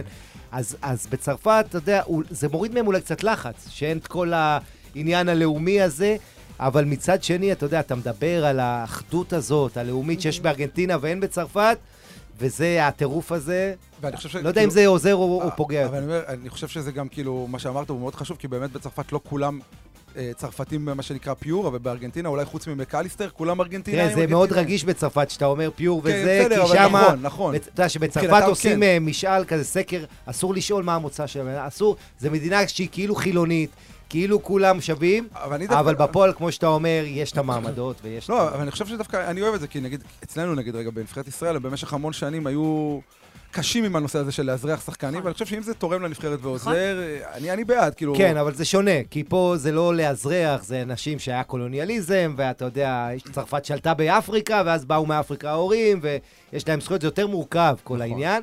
אבל, אה, אתה יודע, אחד מה, מהעניינים הכי רגישים בצרפת, זה היחס של הציבור לנבחרת. ואתה זוכר שהם זכו במונדיאל הביתי עם כל המהגרים, זה היה סיפור ענק אז, עם 98. לפן, שבדיוק עלה מהימין הקיצוני, הוא אמר, אתם לא צרפתים, אתם לא שרים את ההמנון. אז דשאן, כשהוא בא לאמן את הנבחרת, הוא, הוא כבר עשור מאמן, אחד הדברים הראשונים, כולם שרים את ההמנון בצרפת. כולם, כאילו כולם ילדים טובים. כדי שלא יהיו, כדי למנוע את מראש את הביקורות. ואת השאלות ולהגיד, אתם לא צרפתים, אתם לא נאמנים. אז, אז יש פה את העניין הזה. צריך להגיד, צרפת, ארגנטינה אומת כדורגל. תגיד לי, כי מה כאמר, הסיפור? צרפת היא לא כזאת אומת כדורגל. היא לא- היא לא הייתה, יש לה. רגבי, ויש לה הרבה. דברים, ויש לה את האייפל, ואת הבגטים, ואת הקרואסונים, ואת המקרונים. אז צרפת זה הרבה יותר, ארגנטינה זה, זה מחלה, זה אובססיה. אתה יודע, ארגנטינה הם טוטאליים בכדורגל. אנחנו מדברים על המשחק היפה של מסי, אבל גם המלחמה של, של צ'ולו, אתה יודע, של הכדורגל הקשוח, אסטודיאנטס וכל זה, ושוברים רגליים. זאת אומרת, ארגנטינה נותנת לך את גם את האומנות של המשחק וגם את המלחמה ביחד. מה הסיפור אבל של בארגנטינה- מאמן של אומר, רגע, צרפת? שנייה, אני אומר, מה שעמית אומר הוא חשוב, כשאתה מטייל בארגנטינה, לא משנה, כאילו, לא בתקופת מונדיאל או בכלום, הייתי בארגנטינה ב-2004, אתה חי כדורגל גם סתם, כאילו, ביום-יום, ביום-יום, אתה הולך בכל כן. מקום, כאילו, אתה מסתובב טיפה בבוקה, נגיד, בשכונה, אז הכל שם סביב כדורגל, כל השכונה היא כל השכונה צהוב כחול, כאילו, השכונה עצמה, הבתים צבועים צהוב כחול, אתה, נגיד, סתם דוגמא, אתה מסתובב בפריז, אתה לא מרגיש כדורגל ביום-יום, בארגנטינה באמת זה כאילו, אתה לא יכול לברוח מזה. כי בארגנטינה תמיד המצב הפוליטי חרא, והמצב הכלכלי כלכלי והחברתי חרא. רע, והכדורגל זה הדבר היחיד שהוא איזה מפלט. ואתה יודע שהוא- כמה חרא עכשיו המצב בארגנטינה? כן. באמת. כן, כן. אבל- האינפלציה והכדורגל זה וכלכלה. מה שמאחד אותה, מה שגורם לנו קצת לחיוך, לפורקן, לתסכול, לקצת איזה נחת, שמחה, זה הכדורגל. להרגיש גם כזה שווים כאלה, דיברת על. קטר, על דברים שיחסית אלינו זולים, וזה, תיסע לארגנטינה עכשיו. עזוב אוכל, בכלל, איזה זול לנו. כישראלים, כן. אתה לא מבין כמה זול, כמה המצב שם באמת, פשוט אה, המצב הקטסטרופלי שם, של ה- הכלכלי, ב- יותר גרוע מאי פעם. בגלל זה הכדורגל זה המפלט שלהם, כמו ש- כן, כמו שאמרתם, כן. מבחינתם אה, זה... רציתי לשאול על מאמן של אה, צרפת, שהבנתי. שזהו מסיים את ה... אה, מסיים את הקריירה בנבחרת צרפת, זה נכון? אז זהו, שלפני הטורניר הזה כולם ידעו שזידן אמור אחרי המונדיאל נכון, להיות נכון. המאמן כן. של... להחליף את דשאן, אבל אתה יודע מה זה קרמה. הוא יושב בבית כבר שנתיים, הוא חושב, מחכה, חושב, מחכה. חושב, ומה העניין? דשאן בחוזה אמרו, אם אתה תגיע לחצי הגמר, שזו המטרה, אז אתה יכול להחליט דשאן להמשיך גם ליורו הקרוב. עוד שנה אוקיי. וחצי זה, כי הרי כן. אנחנו בחורף. נכון. שנה וחצי. אז עכשיו דשאן יחליט אם הוא רוצה להמשיך, ואם הוא לא רוצה להמשיך, הוא ימשיך. כרגע אף אחד לא יגיד לו לא, אלא אם כן יחטפו 4-0 בגמר, משהו כזה. אבל בגדול, דשאן יחליט אם הוא רוצה להמשיך תראה, אם הוא יהיה עד פעמיים אלוף 2024. עולם, אני חושב שאף אחד גם לא יגיד לו לא, בסופו של וגם דבר. זידן, אם הוא מגיע אחרי שהם פעמיים אלופי עולם, יש לו רק מה להפסיד. אז מה יש לו? להפסיד, כן, ביורו הקרוב? בגרמניה הוא יכול רק, אה, רק להיכשל מפה, כן. טוב, דיברנו על צרפת, רבותיי. בואו נעשה משהו צור... זה השיר שרצית, זה נכון? השיר הופה. שרציתי. רגע, אבל את... היה לנו ברשימה לפני זה. היה, אבל אמרת לי שיש בו וירוס, חתכנו אותו. באמצע. עכשיו, ממונדיאל. משדר... היה לך נוסטלגיה, אני רואה, עם השיר הזה, נופר. היה לי ממש, אני אה, נהניתי. ראית אותי נהנית. כן. בושר. אה, חבר'ה, אני- אומר... שנגיד כמה מילים כן. על אה, ברזיל קצת, מה, אכזבת הטורניר? אכזבת הטורניר, כן, כן, וואו. לגמרי. וואו. לא ציפינו גמר בלי ברזיל, כאילו בעיניי זה הזוי בכלל להגיד את זה, היינו בדיוק במאוריציוס שראינו את הפנדלים ותפסנו את הראש. אה, אני אה, חושב אני חושב וואו. שכאילו, הפנדלים באמת היו אכזבה, אבל אני חושב שהבעיה של ברזיל הייתה, ודיברנו קודם על ארגנטינה, שהיא היא החליטה ללכת עם הכדורגל היפה בכוח. נכון. אם אתה מוביל 1-0 בהערכה, לא בושה להתחיל להעיף כדורים וקצת ליפול על הרצפה, אה, ולשחק קצת אה, כדורגל אירופאי או כדורגל לא יפה. אתה מוביל 1-0 בהערכה, קודם כל היה שער מדהים של נעימר, כאילו נכון. שער מטורף. אה, וזה וזה- אולי חוץ מהשער של השני של קרואטיה אתמול, לדעתי אולי השער הכי יפה בטורניר. שמעתם על המסיבה של? נאמר? כן. כן, שמענו. אבל אני בא ואומר, אני בא ואומר, ראינו אותו בוכה ואז הולך למסיבה, אבל אני חושב שכאילו זה היה הכישלון של ברזיל, לספוג בדקה 118 שער שוויון מקרואטיה, ש... איפה המגן היה, לא ברור כאילו לאן, הוא- לאן הוא הלך, אה, ו- וגם אחר כך ראינו את הבלם נוגע בכדור, וכאילו שער שלא, אסור לספוג בדקה 118. תראה, עדיין, ברזיל השאירה לנו הרבה זיכרונות. גם הגול של רישרליסון נכון. מהאוויר מול נכון, סרביה. נכון, נכון. גם הריקודים מול דרום קוריאה, שעד עכשיו לא. יוצאים לי מהראש. זאת אומרת, אתה יודע, בראש שלי כל הרבה זיכרונות מברזיל, ובסוף, משחק אחד, רגע אחד, רגע אחד, ה- אפילו לא המכשול- משחק, כן. המכשול הזה שהם תמיד פוגשים יריבה אירופאית בנוקאוט מ-2006 ועפים. לא מצליחים לעבור אף קבוצה מאירופה, ואתה דיברת על, ה- על העניין שהם לא יודעים להיות פרגמטיים, אבל אני חושב שזה...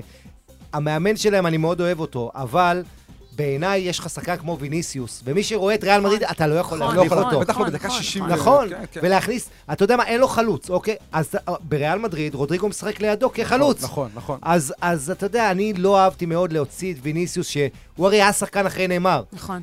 אה, כל האחרים אתה לא יכול לבנות עליהם יום ככה, יום ככה. אז אתה יודע, בסוף אם אתה עוקב אחרי כדורגל אירופי ורואה את זה, אתה צריך לדעת להיות יותר חכם מההחלטות האלה. ברונו גימרייש, שחקן שאני גם מאוד אוהב ולא קיבל ממנו בכלל קרדיט. אה, ב- לא, אתה יודע, בעיות, ודיברנו על המגנים שאין להם, וחלוץ שקשה אה, לבנות אה, עליו. דיברנו על המגנים, קיקי, אני לא יודע אם אתה זוכר, עוד בתוכנית הראשונה, כי כן. ברזיל לאורך כל השנים, המגנים זה היה בערך הדבר הכי חזק שלהם. אנחנו הולכים רגע, רוברטו קרלוס ודני אלבס, ואפשר ללכת עוד אחורה, בהיסטוריה, ואני חושב שזו הייתה הבעיה שלהם בטורניר הזה, לא היה להם מגנים. נכון, אחת הבעיות- ה- המודרני, מגנים זה... כן, אחת הבעיות המרכזיות זה העניין של המגנים, אבל ה- ה- הוא החליף את עדר מיליטאו שם גם, שאם הוא לא היה מחליף אותו, השאר בא מאגף נכון, ימין. מאגף ימין, זאת נכון. אומרת, אתה יודע, כדורגל, כולם חכמים בדיעבד. תמיד קל, הכי יש. לך את ההבדלים הקטנים שעושים את כל ההבדל בעצם. אבל אה, אבל זה הסיפור, בסוף אתה צריך להיות חכם ברגעים האלה, וברזיל, ברגע שהלחץ... היא לא הייתה רגילה, כשהכל הלך בארבע, נכון. ברביעייה מול דרום קוריאה התפוצצה זה היופי. כשהיה קצת לחץ, ולתת לרודריגו לבעוט פנדל ראשון, כן, זה טעות. כן. אתה מבין, נאמר היה צריך לבעוט את הפנדל. הראשון. כמו, זה- ש... כמו שעושה מסי. נכון. אה, ולא, אתה זוכר, פעם רונלדו, הפורטוגלי, היה פנדל מול ספרד והוא לא בעט, כי הוא גם היה חמישי, ו... אני, אני בכלל לא מבין את הקטע הזה שהשחקן הטוב הולך לבחור, כי הפנדל החמישי, אנחנו רואים בהרבה דו- דו- אה, בעיטות תשמע. מקובל שמנהיג הוא הראשון שבועט. נכון. לא, כי אני אומר, הם... הם- אחריי, אחריי, כמו שאומרים בדיוק. אחריי, אבל מצד שני, אתה יודע, חלק מהמנהיגים באים ואומרים, אני ואתה הפנדל המכריע כדי לחגוג את הניצחון אז הגדול. הנה אבל- השאלה הגדולה. אבל בוא- אין פה שאלה, אם לדעתי אין פה נגיע שאלה. לפנדלים היום, לדעתי אין פה שאלה, כי... למי יש סיכוי טוב יותר? את הפנדל הראשון או. תמיד בועטים, את הפנדל החמישי ראינו הרבה בעיטות אה, דו-קרב. אם. נגיע לפנדלים, חברים יקרים, למי יש סיכוי באמת להצליח יותר, על פי האחוזים אה, של הצלחה? אה, פנדלים הכל יכול תראה, להיות. הכל ההיסטוריה... בסדר, אבל מה? בהיסטוריה, הנבחרת שניצחה הכי הרבה דו-קרב פנדלים במונדיאל, לא, זה ארגנטינה, חמש. פעמים. עכשיו, קרואטיה 4 מ-4, היא ארבע 100 מארבע, אחוז כן. בשני המונדיאלים האחרונים. אבל ארגנטינה מסורתית, יש לה את מרטינז, אמי מרטינז, שוער פנדלים מצוין. בקופה אמריקה עצר שלושה פנדלים מול קולומביה, בחצי גמר מול הולנד היה לו שני פנדלים גדולים, אבל אין חוקים בפנדלים. אני יכול להגיד לך שהארגנטינאים בועטים מעולה, אבל הצרפתים קרי רוח. זהו. אה, עדיין, אם זה מגיע לפנדלים, אני הולך עם ארגנטינה, אבל שוב, זה, זה כל כך... יש לו איזה קטע למסי, נכון? לפני שהוא בועט פנדל, כאילו, הוא לא מסתכל על השוער, או מה הוא כאילו מסתכל על ה... מסער את השיער, כן, נכון? כן. ואז, מצד שני ראינו אותו נגד... אה, פולין. נגד, אה, לא, נגד קרואטיה פתאום בועט פנדל אחר ושונה לגמרי. בום. בום. איזה כאילו בעיטה לחיבור. ענקית. בדרך כלל הוא זורק את השוער, כן. אה, ופתאום נגד קרואטיה ואני מזכיר לכם נגד קרואטיה, שהוא בהתחלה מחזיק את שריר הערך האחורי, וואו. ואני הלב בתחתונים. מלחיץ. לא, לא, כאילו ממש בתחתונים, ו- וזה היה קשה, ו- ופחדתי שהוא פצוע, ואז לא הבנתי אם הוא עבד על הקרואטים, או שהוא באמת, אני חושב שהוא באמת לא 100% אני מסי, לא. והוא מסתיר את הפציעה. אה, אתה יודע, בן 35 וחצי. בוא לא נשכח שדייגו עשה מה שהוא עשה ב-86, שהוא היה בן 25. נכון. הוא היה עשר שנים צעיר ממה שמסי עושה. זאת אומרת, להגיע לשיא שלך. אתה יודע, אני לא אוהב שמשווים, כל היום מדברים על, אתה יודע, משווים ביניהם בארגנטינה, בארגנטינה כל הזמן משווים, גם בעולם. אני אומר, זה דור אחר, זו נכון. תקופה נכון, אחרת, נכון. זה... אבל זה אותו משחק, זה המשחק של פלא, ומרדונה, ו- וקרויף, ובקנבאו, כל הגדולים. ואתה יודע, זה, זה החוט המקשר. אתה ראית בברזיל איך הם, כל השחקני עבר ביציע ובבית. איזה יפה לראות את ה... גם של ארגנטינה. וקמפס ביציע ראית את בריו של- קמפס? כן. יואו, ראיתי מזה, ראית אותו? איך הוא נראה? וולדנו גם ביציע. בטיסטוטה? עכשיו אני רוצה לשאול אתכם שאלה. עד כמה העובדה, אתם זוכרים ברוסיה, דייגו היה ביציע שם החגיגות כן. וה, והדרמה, עד כמה העובדה שאין את דייגו, אתה רואה את בטיסטוטה ואת קמביאסו ואת זנטי, אבל אין דייגו.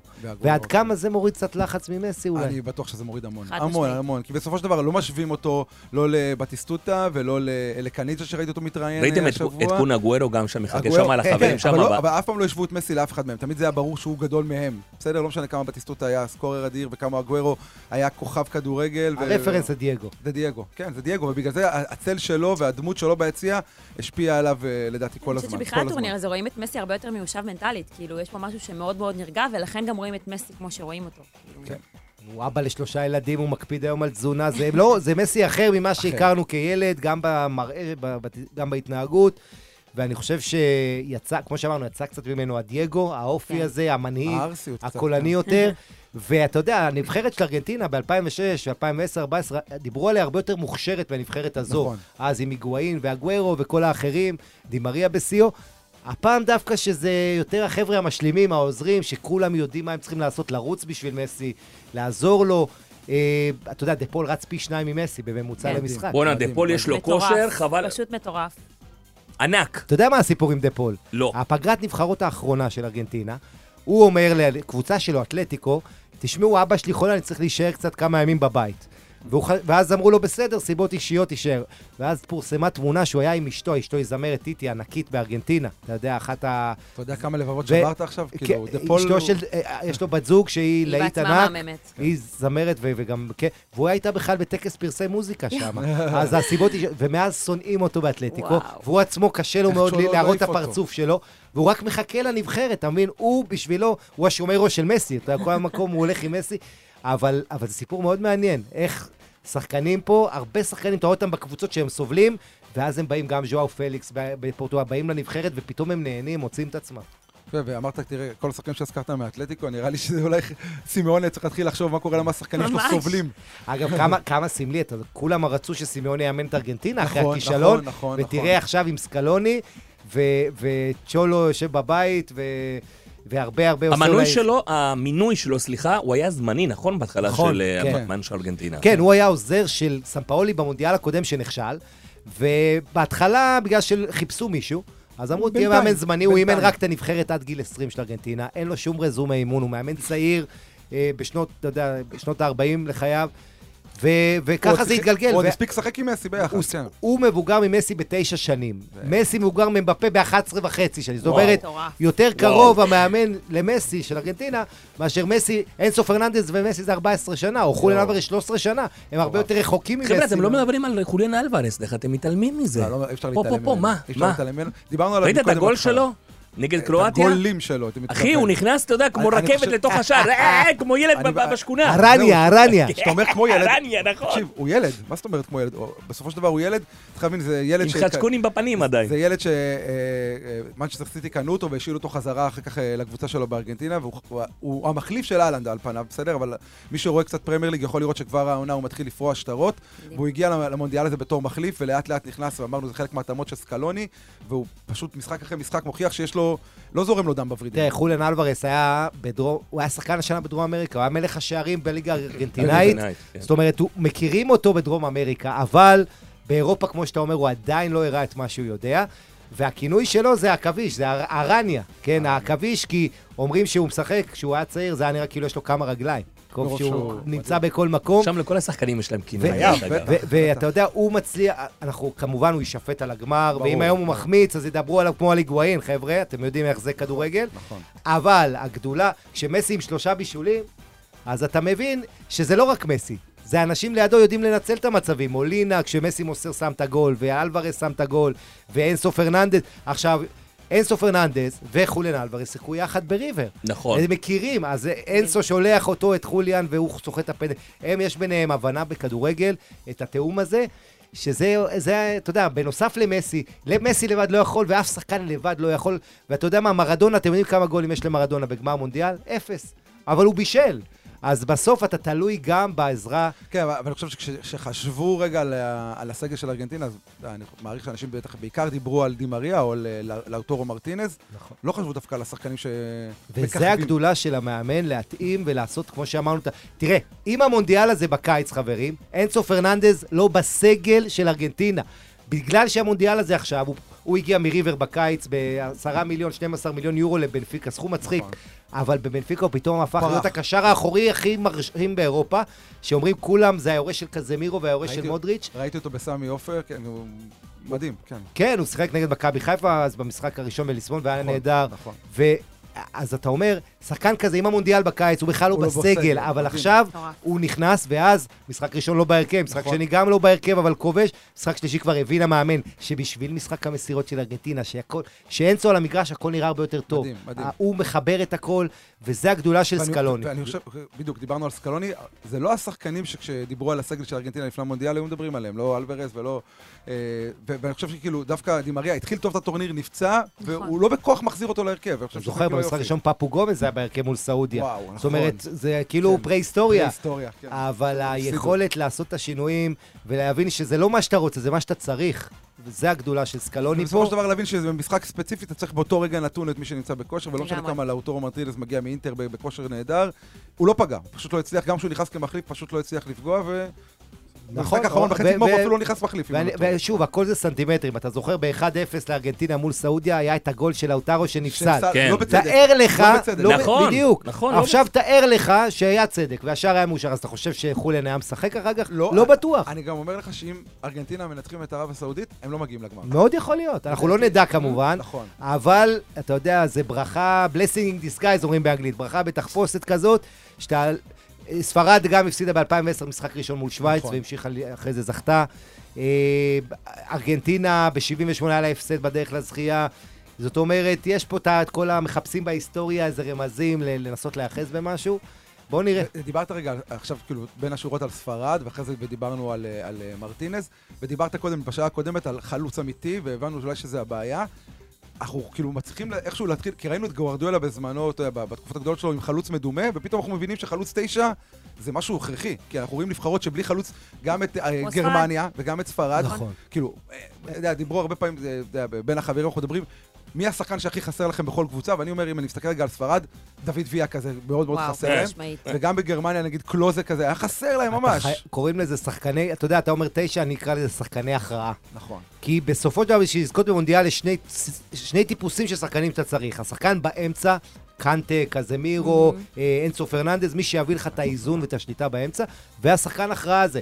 אמבפה מונדיאל קודם, עכשיו יש לך כמה שחקנים בשתי הנבחרות האלה ששמים את הגולים, ואין ספק, ספרד, כמו שאמרת, גרמניה, אין להם את זה. נכון. ועניין נוסף, אה, זה, אתה יודע, אתה רואה פה כמה הרמה הפיזית גבוהה, כמה קשה ואין שטחים ו- וצריך להבריק. טעות קטנה, הברקה אישית, הדברים האלה שמכריעים, אבל... כן, בס- אבל כן. אני אומר, זה מראה כמה- כמה- כמה הכדורגל דינמי, כי כשגוארדולה שיחק בזמנו עם חלוץ מדומה זה היה בסדר וזה הצליח וזה עבד, ופתאום זה לא עובד. ראינו את גרמניה מנסה לעשות את זה, גם את ספרד מנסה לעשות את זה.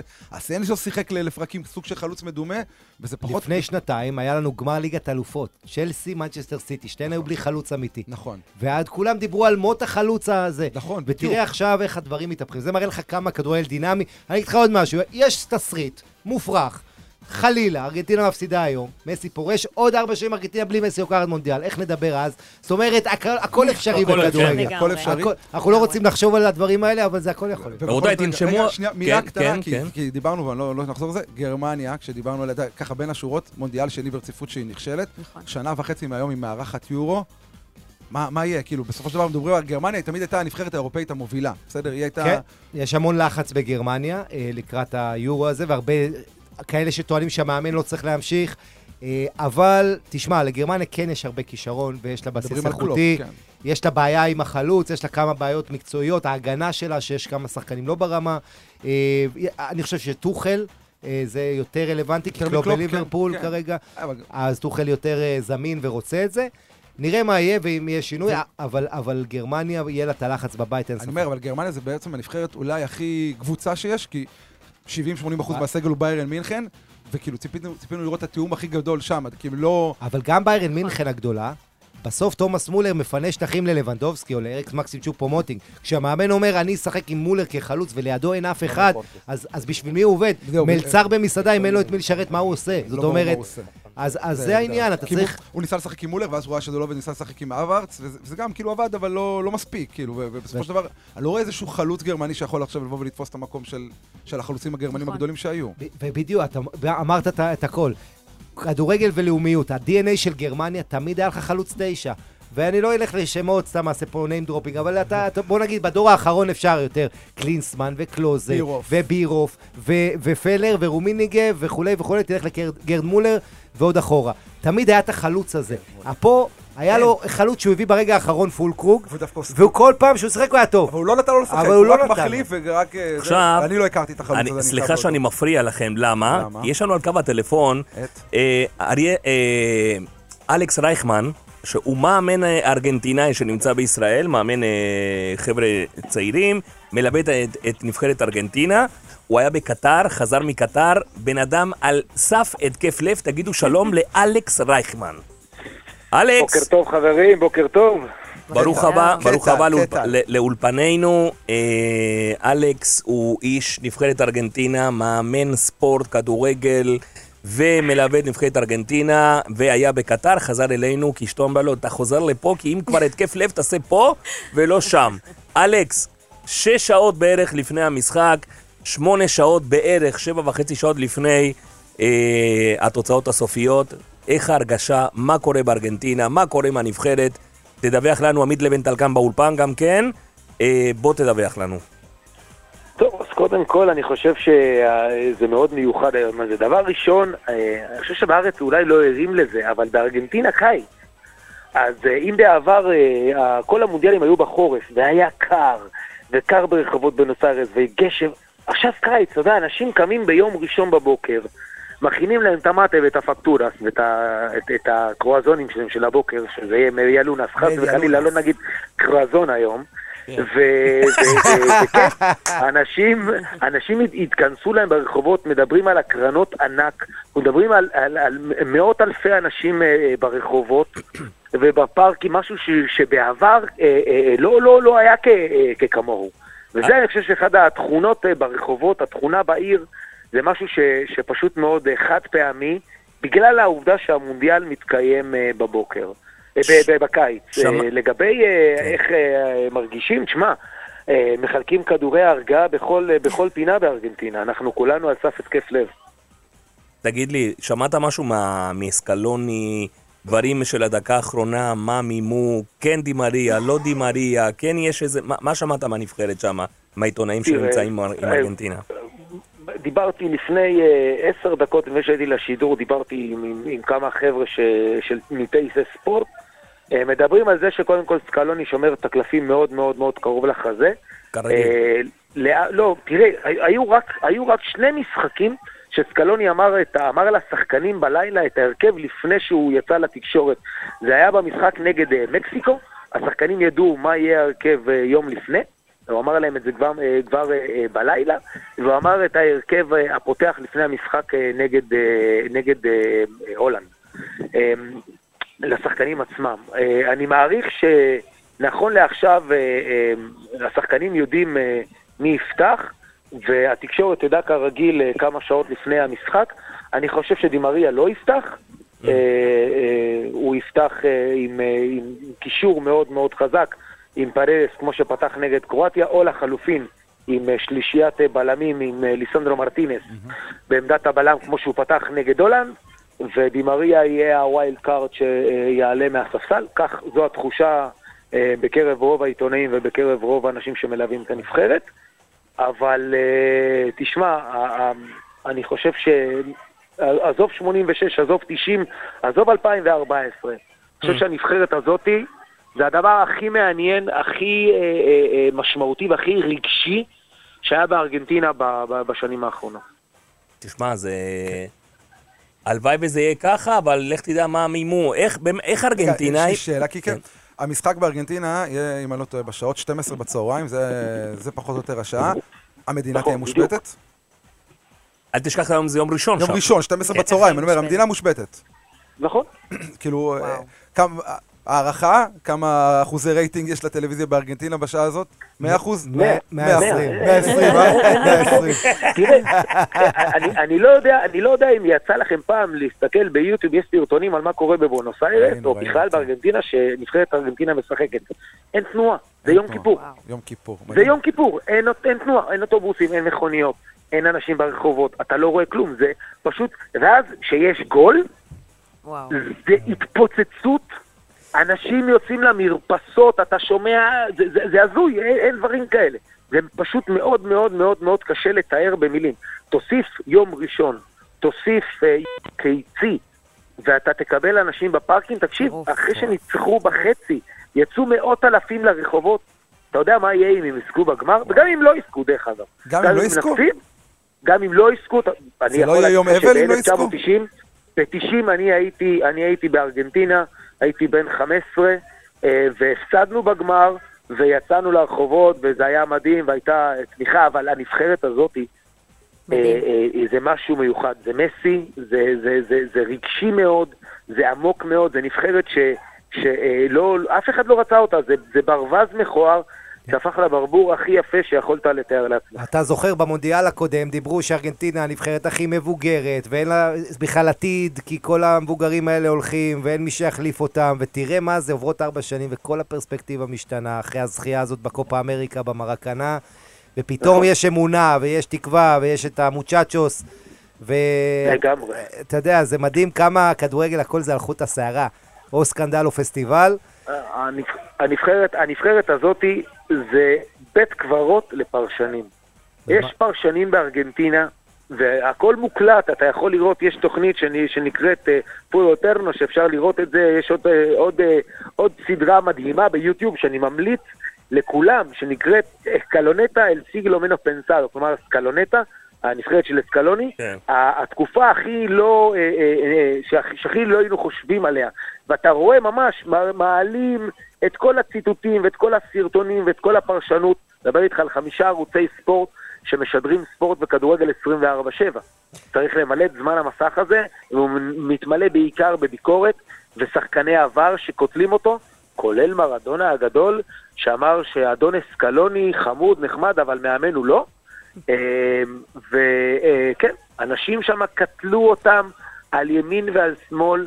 יש שם פרשן, יש שם, סליחה, יש שם את החבורה שעשתה un minuto de silencio, דקה דומייה, דקה דומייה הם עשו, בשידור חי, עמדו דקה דומייה לזכר הנבחרת, אחרי שהם הפסידו לקרואטיה, או לצרפת. לצרפת, הקודם. כן, כן. כן, עשו דקה דומייה. עמדו, ב, עמדו, עמדו באולפן, דקה שלמה, ומינוטו לסילנסיו, ובבקשה, איפה החבר'ה האלה ממשיכים לשדר ולעבוד שם? זה אובססיון, זה, זה אובססיה רצינית. שמה, ו... מרדונה אמר. על סקלוני שהוא לא מאמן. כן, מרדונה גם אמר, ב-2010 הוא- הוא- מרדונה גם אמר על מסי שאין לו את האופי. אתה נכון. יודע, אחרי המונדיאל נכון. הקודם הוא אמר עליו הרבה דברים, אבל זה לא שמעו המסי אותו של... מדבר עם פלא על זה נכון, שהוא לא- לא מנהיג. אז כן. תשמע, מרדונה זה הכ- זה הכל, כן, הוא אמר דברים טובים ורעים, ו... לא, אני אומר, אבל אולי אנשים שוכחים, אבל מרדונה גם אימן את הנבחרת ב-2010 במונדיאל. אבל תשמעו. בסוף כדור... אתם יודעים מה זה כדורגל בשבילי? ישבנו באולפן מונדיאל, אספר לכם סיפור קטן, היה משחק ארגנטינה-סעודיה שהתחיל את המונדיאל, כמו שכולנו זוכרים. ישבה איתי פרשנית באול- באולפן שקוראים לה נדין, נדין אבו לבן. והיא רצתה להגיד לפני המשחק, אני חושבת שסעודיה יש לה כלים לעצור, להפתיע את ארגנטינה. והעורך מירושלים אמר לה באוזן, אל תגידי את זה, את תצאי האישה המטומטמת שכולם ירדו עליה שאין לה מושג בספורט, ותראה מה זה. וואו. בסוף זה ההפסד היחיד של ארגנטינה היה מול סעודיה, ו- וכמה אנחנו באמת לא יודעים כלום, נכון. וזה היופי של המשחק הזה. כולנו אהבלים. העורך מירושלים, אבי חברי הטוב, תעשה לי טובה. אבי כהן? כן.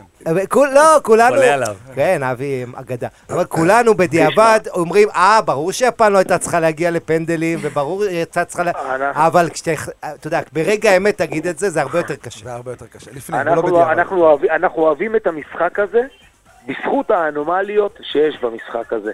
מרוקו זו הייתה האנומליה הכי כיפית במונדיאל הזאתי. ותשמע, קודם כל הדרך של צרפת לגמר, בוא נגיד את האמת, צרפת הייתה מועמדת, היא עשתה דרך מרשימה ביותר לגמר, היא עמדה בכל הציפיות ממנה למרות פציעות, למרות שחקנים חשובים מאוד שלא נמצאים שם, והיא עשתה את כל הדרך לשם. אין ספק. ואתה יודע, אחד היא הדברים... ללא ספק, היא ללא ספק הנבחרת הבכירה בגמר הזה. אה, אתה יודע, אחד הדברים זה הרעב. כמה... אנחנו גם במונדיאל שהוא לפני חלון העברות של ינואר, ויש הרבה שחקנים שלא מרוצים בקבוצות, וראינו את זה במרוקו, דיברת על מרוקו, חכים זיה, שנשיא מזרעוי, הרבה שחקנים שלא מרוצים, מחפשים קבוצה חדשה, כי המעמד שלהם בקבוצה לא טוב, הם לא אוהבים את המאמן. גם, נכון. ו- וזה נכון, גם uh, בארגנטינה, חוליאן אלוורז שלא משחק בסיטי ורוצה להוכיח את עצמו במונדיאל, ואינסו פרננדז רוצה להראות כמה הוא. שווה ואחרים. אבל, דרך אגב, דרך אגב, זה אחד הדברים הכי מעניינים בנבחרת ארגנטינה. אה, וזה דווקא בקטע הזה, אני אגיד לך, לשחקן הארגנטינאי שנמצא בקבוצה המופלאה הזאת שבנה סקלוני, ל grupo humano, משמע, הקבוצה האנושית הזאת, לא מעניין אותם חוזים, זה שחקנים שמשחקים הרבה יותר טוב בנבחרת מאשר בנבחרות שלהם. ה sacrifice שלהם, ההקרבה היא מוחלטת, וסקלוני, הגאונות בעיניי של הבחורצ'יק הצנוע מאוד מאוד מאוד צנוע הזה, זה לנטוש את התוכנית A שלו, לשים בצד את השחקנים שהביאו אותו עד הלום, עכשיו תקשיב, אה, אה, בסופו של דבר לאוטרו מרטינס הוא מלך השערים של עידן סקלוני, והוא הפך מחלוץ ראשון לחלוץ שלישי שכבר לא נכנס, ודיב- ודיבלה כבר נכנס לפניו. אה, פררס, עמוד השדרה שלו, הוא- נכשר בספסל ועלה לפניו, אה, אינסו. זה, אה, זה, זה, זה לא להאמין. באמת זה לא להאמין אלכס. כמה הבחור הזה עשה את זה. מד"א, צמוד אליך כבר במודיעין שם?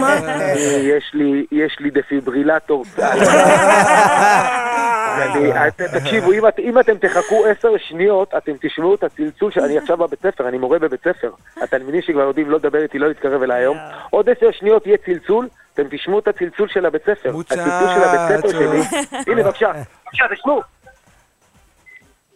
לא שומעים. לא אתם שומעים. שומעים? לא, לא, לא. ה- הצלצול של הבית ספר שלי זה מוצ'צ'ו. מוצ'צ'ו. אלכס. רייכמן. אין עליך. חיבוק ענק מאיתנו, בהצלחה היום, ויאללה. בהצלחה. תהיה רגוע, כי אני מכיר אותך טוב, תהיה רגוע. Suerte, אלכס. Suerte, hermano, fuerte abrazo.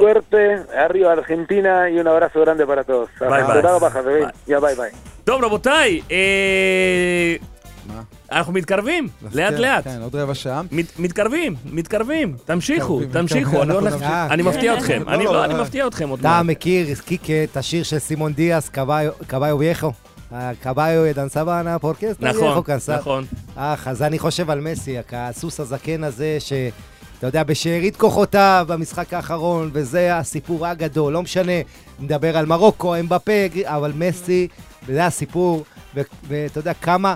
אתה יודע, אנחנו מדברים כל הזמן כמה אנחנו רוצים, אבל יש גם לא מעט אנשים שהם בפינה, אתה יודע, תמיד יש הרי אין קונצנזוס ברור, בכדורגל, ברור, ברור. ובכלל אין קונצנזוס בימינו. ויש גם את האלה בפינה שאומרים, הקונספירטורים זה בקטאר, והקטארים עכשיו, עוזרים לו. מכיוון שהזמן עובר מהר, עמית, לבנטל... רגע, לא, למה לא, אני קוטע? אה, למה אני קוטע. אותו? למה? כי אני רוצה שתגידו שלום יפה כן. לעורך מירושלים. לאבי כהן! כבוד. כן, אבל- אבי. שלום לך. כמה שאתה... שלום, בוקר טוב. כמה שאתה- פעם ראשונה שלי ברדיו. כמה שאתה לא אוהב להתראיין, כמה שאתה לא אוהב להתראיין. הבן אדם היה בשוק כשפניתי אליו, אמרתי לו, אבי, אני חייב לדבר איתך בשידור. קודם כל, אתה יודע, עמית לבנטל כאן אצלנו באולפן, אבי, בניגוד אליך שאתה לא בא לבקר אותי באולפן. אחלה עמית, אחלה, אני אהלן אבי היקר, מה קורה? מה שלומך, אבי? בסדר גמור. בסדר, אנחנו מתרגשים בהכנות אחרונות. תקשיב, אה, שאפו ענק מגיע לך, לגמרי. מגיע לך, ועל זה רציתי להעלות אותך ולהגיד באמת, לך ולכל הצוות שעובד איתך בכאן אה, 11, מגיע לך על מה שעשיתם, על מה שהמצאתם. ועל החיבור בין כולם, אז ממני מחיאות כפיים מכל הצוות כאן. אני חושב שזה גרם לנו, לצופים, להרגיש כאילו כולנו היינו בקטר. ממש. ממש ככה. ממש. וואו, מדהים, אני לא יודע מי מדבר, אבל זה מאוד מרגש. אנחנו כאן באולפן ככה, חוץ מחבריך הטוב עמית לבנטל, יש פה את שחר עזריה, נופר בושרי, ואנוכי קרקרקרק סמואל, מהימים היפים שהיינו בערוץ הספורט. איקה, בוא, בוא, בוא תרגש אותנו. תתאר כאילו עכשיו מסי מבקיע גול בדקה. Julián Álvarez la levanta para el directo, se le pasa directamente para el Meo León Messi. León Messi dentro de la cancha, patea 5 minutos, 5 segundos del partido, mataron 1-0, 1 go, go, go, go, go, go, go, go, go, go, go! איזה ימים יפים היו לנו, אה? איזה בזבוז שקיקה לא משדר את המשחק. אני- אני לוחץ עליו שנים, הוא לא רוצה לקחת אותי, הוא אומר לי, לא יודע. בדיוק ישבנו פה, אה, כל העורכי תוכן, והזכרתי להם את קיקה, והם אמרו, כולם אמרו שלקיקה יש קול מטורף. מטורף. קול מדהים. אבל פשוט הוא לא מבין כלום בכדורגל. אתה מבין? אתה מבין? אבל בשביל הכל היית צריך לקחת אותי. אתה אומר, כתבינו שם, אתה יודע, עם- האוהדים הייתי בא עושה להם בלאגן, אבל אבי, קודם כל, באמת שאפו ענק על מה שעשיתם שם. והדבר הזה ממולי שנמצא באולפן, עמית לבנטל, שהוא בעיניי הכוכב הענק, הפרשן הצבעוני והאנרגטי, שבאמת, אה, שוב, שאפו הכוכב לכם. הכי גדול של מונדיאל 2018 ושל מונדיאל 2022. אמת. זה נכון. אמת. ואיך אתם מתכוננים היום לגמר, אבי? מתכוננים, אה, בארבע השידור אה, יתחיל.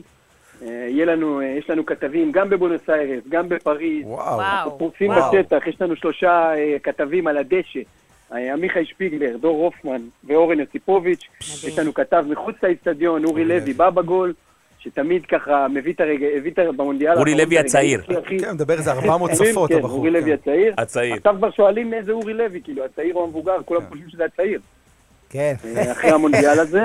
ובפאנל זה זה טל ברמן, אושרת עיני, אסף כהן, אה, מוטי וניר, מאמן נבחרת ישראל אלון חזן. אתה יודע, הדבר הכי מדהים... שתבואו, שיהיה מעניין. אבי, אבי, אתה יודע, כן. הדבר הכי מדהים בעיניי, כן. באמת, מה- וההפקה, אתה יודע, שהייתי חלק ממנה כמובן, גילוי נאות, אבל לראות על הדשא את החבר'ה שלנו. לפני מס... אנשים לא חושבים ששמים מאחוריהם איזה מסך וזה, זה, אבל אתה יודע, הם על הדשא. במגרש, במונדיאל, מי כיף. אנחנו ישראל? אנחנו לא חושבים. אפילו שנגיע. זה בעיניי מטורף. ולא הזכרנו... והכי חשוב, מי שישדר, זה נדב. ו- נדב ואורי. נדב יעקבי ואורי אוזן, שהם מתרגשים בטירוף, בטירוף, בטירוף, הבנתי שאורי לא הצליח להירדם, קם בשבע בבוקר ויצא לריצת 15 קילומטר. הוא כל- יום, הוא כל יום. הוא כל יום זהו, אצלו כל יום 15 אצלו, קילומטר, זהו, הוא רק כן. מתחיל את היום. זה החימום שלו, נראה לי. אבי, וזהו, אבי, ואתה אני מקווה שיהיה שידור היסטורי. אתה- אתה יצא לך להיות גם כמה ימים בקטר, נכון? אם אני לא טועה. כן, הייתי, הייתי שם ביחד עם עמית. ו? איך אתה? כן. מדהים, מדהים, אה? מדהים. זה מונדיאל מדהים, אה, מאוד מיוחד, הכל מאוד קרוב, מה שאפשר לנו להיות שם בעצם, מונדיאל מאוד קומפקטי. אה, אתה יכול אה, לפעמים, יש נדין אבולאבן שהייתה יחד איתנו, אה, נתנו לה אתגר להיות בארבעה משחקי מונדיאל ביום אחד, והיא וואו. הצליחה. ובגלל זה אנחנו שם, כי הכל נורא קרוב. תחשוב, המרחק הכי גדול בין, שני אצטדיונים זה כמו מנתניה עד ראשון. אז באמת אתה יכול להיות בכל מקום ולהתפרץ בשטח. לא היינו צוות כל כך גדול, אבל כולם אצלנו עשו הכל. כולם היו שחקנים על כל המגרש. אה, ו- ואבי, אתה היית שם גם חצי שנה לפני המונדיאל, בקיץ, שעוד נכון, היה שם היינו. חול, ואתה ראית כמה מהר הקימו הכל שם, זה מדהים. מדהים, זה מדהים, זה מדינה מדהימה. זה מדינה, כמו שאתה נכנס לחנות נגיד חדשה, אז ככה זה קטר כמדינה. הכל חדש, הכל חדש, הכל מהקופסה. ומחר הכל יהיה עזוב. מחר הכל יהיה עזוב, כן. הכל יהיה מוזנח. מחר, אה? לא, לא מוזנח, לא יהיה מוזנח, עזוב, עזוב, עזוב. טוב, אבי, אני לא אפריע לך יותר, כי אתה. בשיא ההכנות. תודה תודה, על- קיקה. על תודה. החוויה שנתת לנו, הצופים. אה, באמת חוויה אדירה, ו- וכל הכבוד לך ולכל הצוות איתך שם בכאן תודה 11. רבה, באמת. ודש לכולם, ואוהב את כולכם, ותודה רבה. ועמית, תבוא אליי, תבוא לראות את המשחק אצלנו פה בירושלים. איי, הייתי מת. אני- אתה יודע מה, נבדוק את זה. הייתי מת. אבל אתה יודע משהו. על אבי, אבי לא אוהב שמדברים עליו. אבי נכון. תמיד אומר, אני לא רוצה שייתנו לי קרדיט, כי אז כל האחרים... אז הוא תמיד יש לו את הקטע, אל תדבר עליי, אל תדבר עליי. כדי, אז אתה יודע, זה, זה מראה על גדולה של בן אדם, נכון. שאתה יודע, שם את האגו בצד ואומר, אני רק רוצה לעשות את העבודה שלי, והוא עושה עבודה גדולה אני מתגעגע הקלעים. אליו, הוא לא מבין שאני מתגעגע גם אליו. אני מתגעגע, גם אני. ובאמת, אה, כל הכבוד. אבי, חיבוק. ענק, ותודה רבה לכם מה על תודה, החוויה חבר'ה. שנתתם. תודה רבה. ביי ביי. יאללה, ביי קיקה, ביי חברים. תודה, ביי ביי. חברים, זה אבי כהן, זה אבי כהן, אה, ואני כל כך, באמת, הח- החוויה שנתתם לנו, עמית, אתה עם כל הפרשנים והשדרנים והמנחים, זה היה... והפרשניות, בפרשניות. בפרשניות, גם כן, היסטוריה. כן. מדינה סליחה, אבולאבן היא אחות של רמי, נכון? היא לא, היא מהמשפחה. מהמשפחה. כן, היא מבאר שבע, כן. לא, אבו. לבן, צריך להגיד. אבו לבן, כן, כן, כן. כן, אבו לבן. לא, זה היה מאוד יפה לראות את הפרשניות שהיו... כן. מעולה. אתה יודע, היו כאלה שאגב. היה אקוטי, והיו כאלה שאמרו, לא, לא בא לי טוב, אבל אתה יודע, זה חלק מהאבולוציה, צריך להתרגל. אני מבין שיש אנשים שלא בא להם טבעי, פתאום מה נשמע בחורה. מה? לא, לא, אני... אני- היו שלכלכו. היו שלכלכו, וצריך גם להתייחס לזה. אני חושב, זה לוקח זמן. או אני חושב שתדבר עם אותם אנשים עוד שנתיים, עוד ארבע, זה כבר יהיה אחרת. אתה יודע, כל דבר בחיים אתה צריך להתרגל. גם השופטות, חמש שופטות אה, במחנה, חמש היו שלוש שופטות, אה, אחת ראשית. הצרפתייה, הפרפר, ובסך הכל, אני לא אתפלא אם מונדיאל הבא, 48 נבחרות, אולי תהיה גם מאמנת. לא. כן, לגמרי, אני אני בעד. חברים. אנחנו. מתקרבים, לסיומה של תוכניתנו. יאללה, איזה מהר. והכבוד כן. שנתת לנו, עמית, כן. מעכשיו, תודה רבה שהסכמת. ובאת להיות. איתנו. כבוד. שלי, תודה, חבר'ה, כיף להיות. איתכם. ועכשיו נשאר רק להניף את הגביע. ואולי היום על הפסנתר החדש תעשה את מוצ'צ'וס. הופה, אה? נתת לי... ראיתי השבוע את אה, פבלו רוזנברג עושה את זה אצל אמנון לוי עם גיטרה בביצוע כזה Unplugged, היה יפה. תגיד לי. סיכום- העניין, היינו פה חודש ימים כל יום ראשון. וואו. אני רוצה להגיד לכם תודה ענקית, נופר. זה. עבר, החודש הזה עבר כאילו. שעה. אני מוחא לא. כפיים פה לכולם. וחייבים להגיד תודה ענקית באמת לכל מי שעשה ועבד כאן, ליניב מורוזובסקי שעשה את כל, כל הדברים מאחורי הקלעים, לכרמית ונטורה, לטלי גזית. אה, מי עוד? מי עוד נמצא איתנו שאני לא אשכח מישהו, חס וחלילה. רועי בן חמו. מיד אחרינו, רבותיי, עם פול ווליום, עם כל הלהיטים. הכנת משהו למונדיאל היום, רועי? או בטח. שאתה... מה הכנת? הכנת משהו למונדיאל או ש... אתה תמיד מתקיל אותו. קודם כל ערב חג היום, אה, נכון? שכחנו, חג שמח. אז זהו, אני אומר, אלה לא קשורים חג חנוכה שמח בתוכנית המונדיאל, אבל בוא'נה, היום- תראה מה זה ירושלמי, ירושלמי ישר חג. היום זה ערב חגים. כן. זה- קורה פעם ב... ארבע שנים. ארבע שנים, זה גם ערב. חג חנוכה, גם ערב חג גמר המונדיאל. אפילו הבחירות לא. אז אנחנו עם, אה, עם תוכנית חגיגית במיוחד, זה ה... אתה יודע כמה בעיות יש עכשיו עם ההדלקת נרות על המשחק, ממש. וזה, כל המדינה רק... בואנה, שכחתי מזה. עכשיו הבנתי למה אשתי שולחת לי הודעות על הנרות. לא, איזה, ממי? אני מה קרה? איזה נרות? אני עשיתי תיאום ציפיות עם אשתי, אם יש הארכה בפנדלים, תדליקי לבד. מה- מה- היתרון הכי אתה גדול בא היום? היום לכפר סבא, אמרת. לא, איפה, לא אספיק, כן. טוב, אנחנו נדבר על זה. Poquito, poquito. מה זה? אבל אמרת שאתה בא איתנו היום. Uno minuto. אתה חייב. אתה חייב להגן עליי שם, אתה יודע מה después. יהיה. יאללה. טוב, רבותיי, אז קודם כל, שוב, עמית, תודה ענקית. תודה רבה, תודה, עמית. תוצאה, לכם, תודה רגע, רבה. רגע, בס- נו מה? מה? מסי מהגביע, אמפבה, מי, מי, מי, מי, מי, מה? מסי, כדור חופשי, 2-1 והערכה ארגנטינה. וואו, וואו. רשמנו. תסריט חלומי. צרפת, אמרתי לכם את זה מהרגע מי? צרפת, אמבפה. ארננד, אה, מי? אמבבה. אמבפה. כן, זה לא יאומן. דווקא. גריזמן היום אולי ייתן את הגול חושב, שלו. אני, אני חושב שגריזמן, היום הוא הולך, הוא מתפוצץ על מה זה המגרש. היום? הוא מתפוצץ כל לא, הטורניר, אבל אבל- היום הוא ייתן. אני חושב, כמו בימים היפים ב- באתלטיקו. אני אומר שיהיה משחק מאוד קשוח, מאוד פיזי. לדעתי הערכה, 2-1 גם בהערכה, ולדעתי השער המכריע בהערכה יבוא משחקן הגנה. אולי. צ'ולו יתקשר לגריזמן, להגיד לו, תן למסי. תן למסי, הגביע." אה? לא, לדעתי אחד מהשחקני הגנה, אחד משני הקבוצות. אה, אה, יש לו איזה עניין שם עם, אה, נכון, עם אתלטיקו, הוא שכאילו ב... מה? ימשיך, לא ימשיך, אה, סיפור עם כסף, לא? לא, הסיפור היה שברצלונה, הוא בא לאתל... הוא חזר לאתלטיקו כן. מברצלונה, ואז אתלטיקו שיח- נתנו לו רק לשחק חצי שעה בסוף משחק, כדי לא לשלם איזה סכום. אה. אה, עם גריזמן, כן, ואז הוא מסתדר. ברצל... בסוף ברצלונה מכרו אותו בזול, ברק זה- ב-20 זה מיליון. כן. אז זה הסתדר. הוא חזר לשחק, אבל הכל בסדר. ותשמע, הוא מגיע לפה במיטבו, הוא משחק כל עמדות במגרש, קשר, בלם, חלוץ, אה, הוא באמת נותן טורניר ענק, גריזמן, רק שער חסר לו, והיום זה הבמה הכי טובה טוב, לתת בוא גול. נראה. רבותיי, אנחנו כמה, חמש שעות בערך לפני פתיחת המונדיאל. חברים, תודה רבה שהייתם איתנו במשך כל החודש האחרון כאן עם מונדיאל. תודה, אנחנו מאוד מקווים שנהניתם, כמו שאנחנו כאן מה נהנינו מה להיות רואים עכשיו באולפן. בטלוויזיה? אה, עכשיו אני רץ מהר לראות מה קורה בארגנטינה בטלוויזיה, לא, כי שם? זה טירוף, מחר? חייב לראות מחר תמיד מה הולך. מכבי תל אביב, מה מכבי תל אביב בני. ריינה. לא דיברנו, דרך אגב, על המשחקים שהיו אתמול. חזר הליגה. חזרה הליגה, חזרה הליגה. אבל השישייה אוקיי. של ביתר זה נראה לי... אתה לא רואה את החיוך של רועי? אה, מה? בגלל זה מאושר רועי. זה אה. חג תראה, יש שלו. לו- פרצוף של ניקולסקו. יאללה. נופר בושרי, שחר עזרי, עמית לבנטל, תודה רבה לך שהיית איתנו כאן איתכם, קיקה. סמואל. מיד, עוד כמה דקות, כאן באולפן, נכנס האיש והגדה, רועי בן חמו עם פול ווליום. תודה רבה לכם, עד המי מונדיאל הבא. צ'או.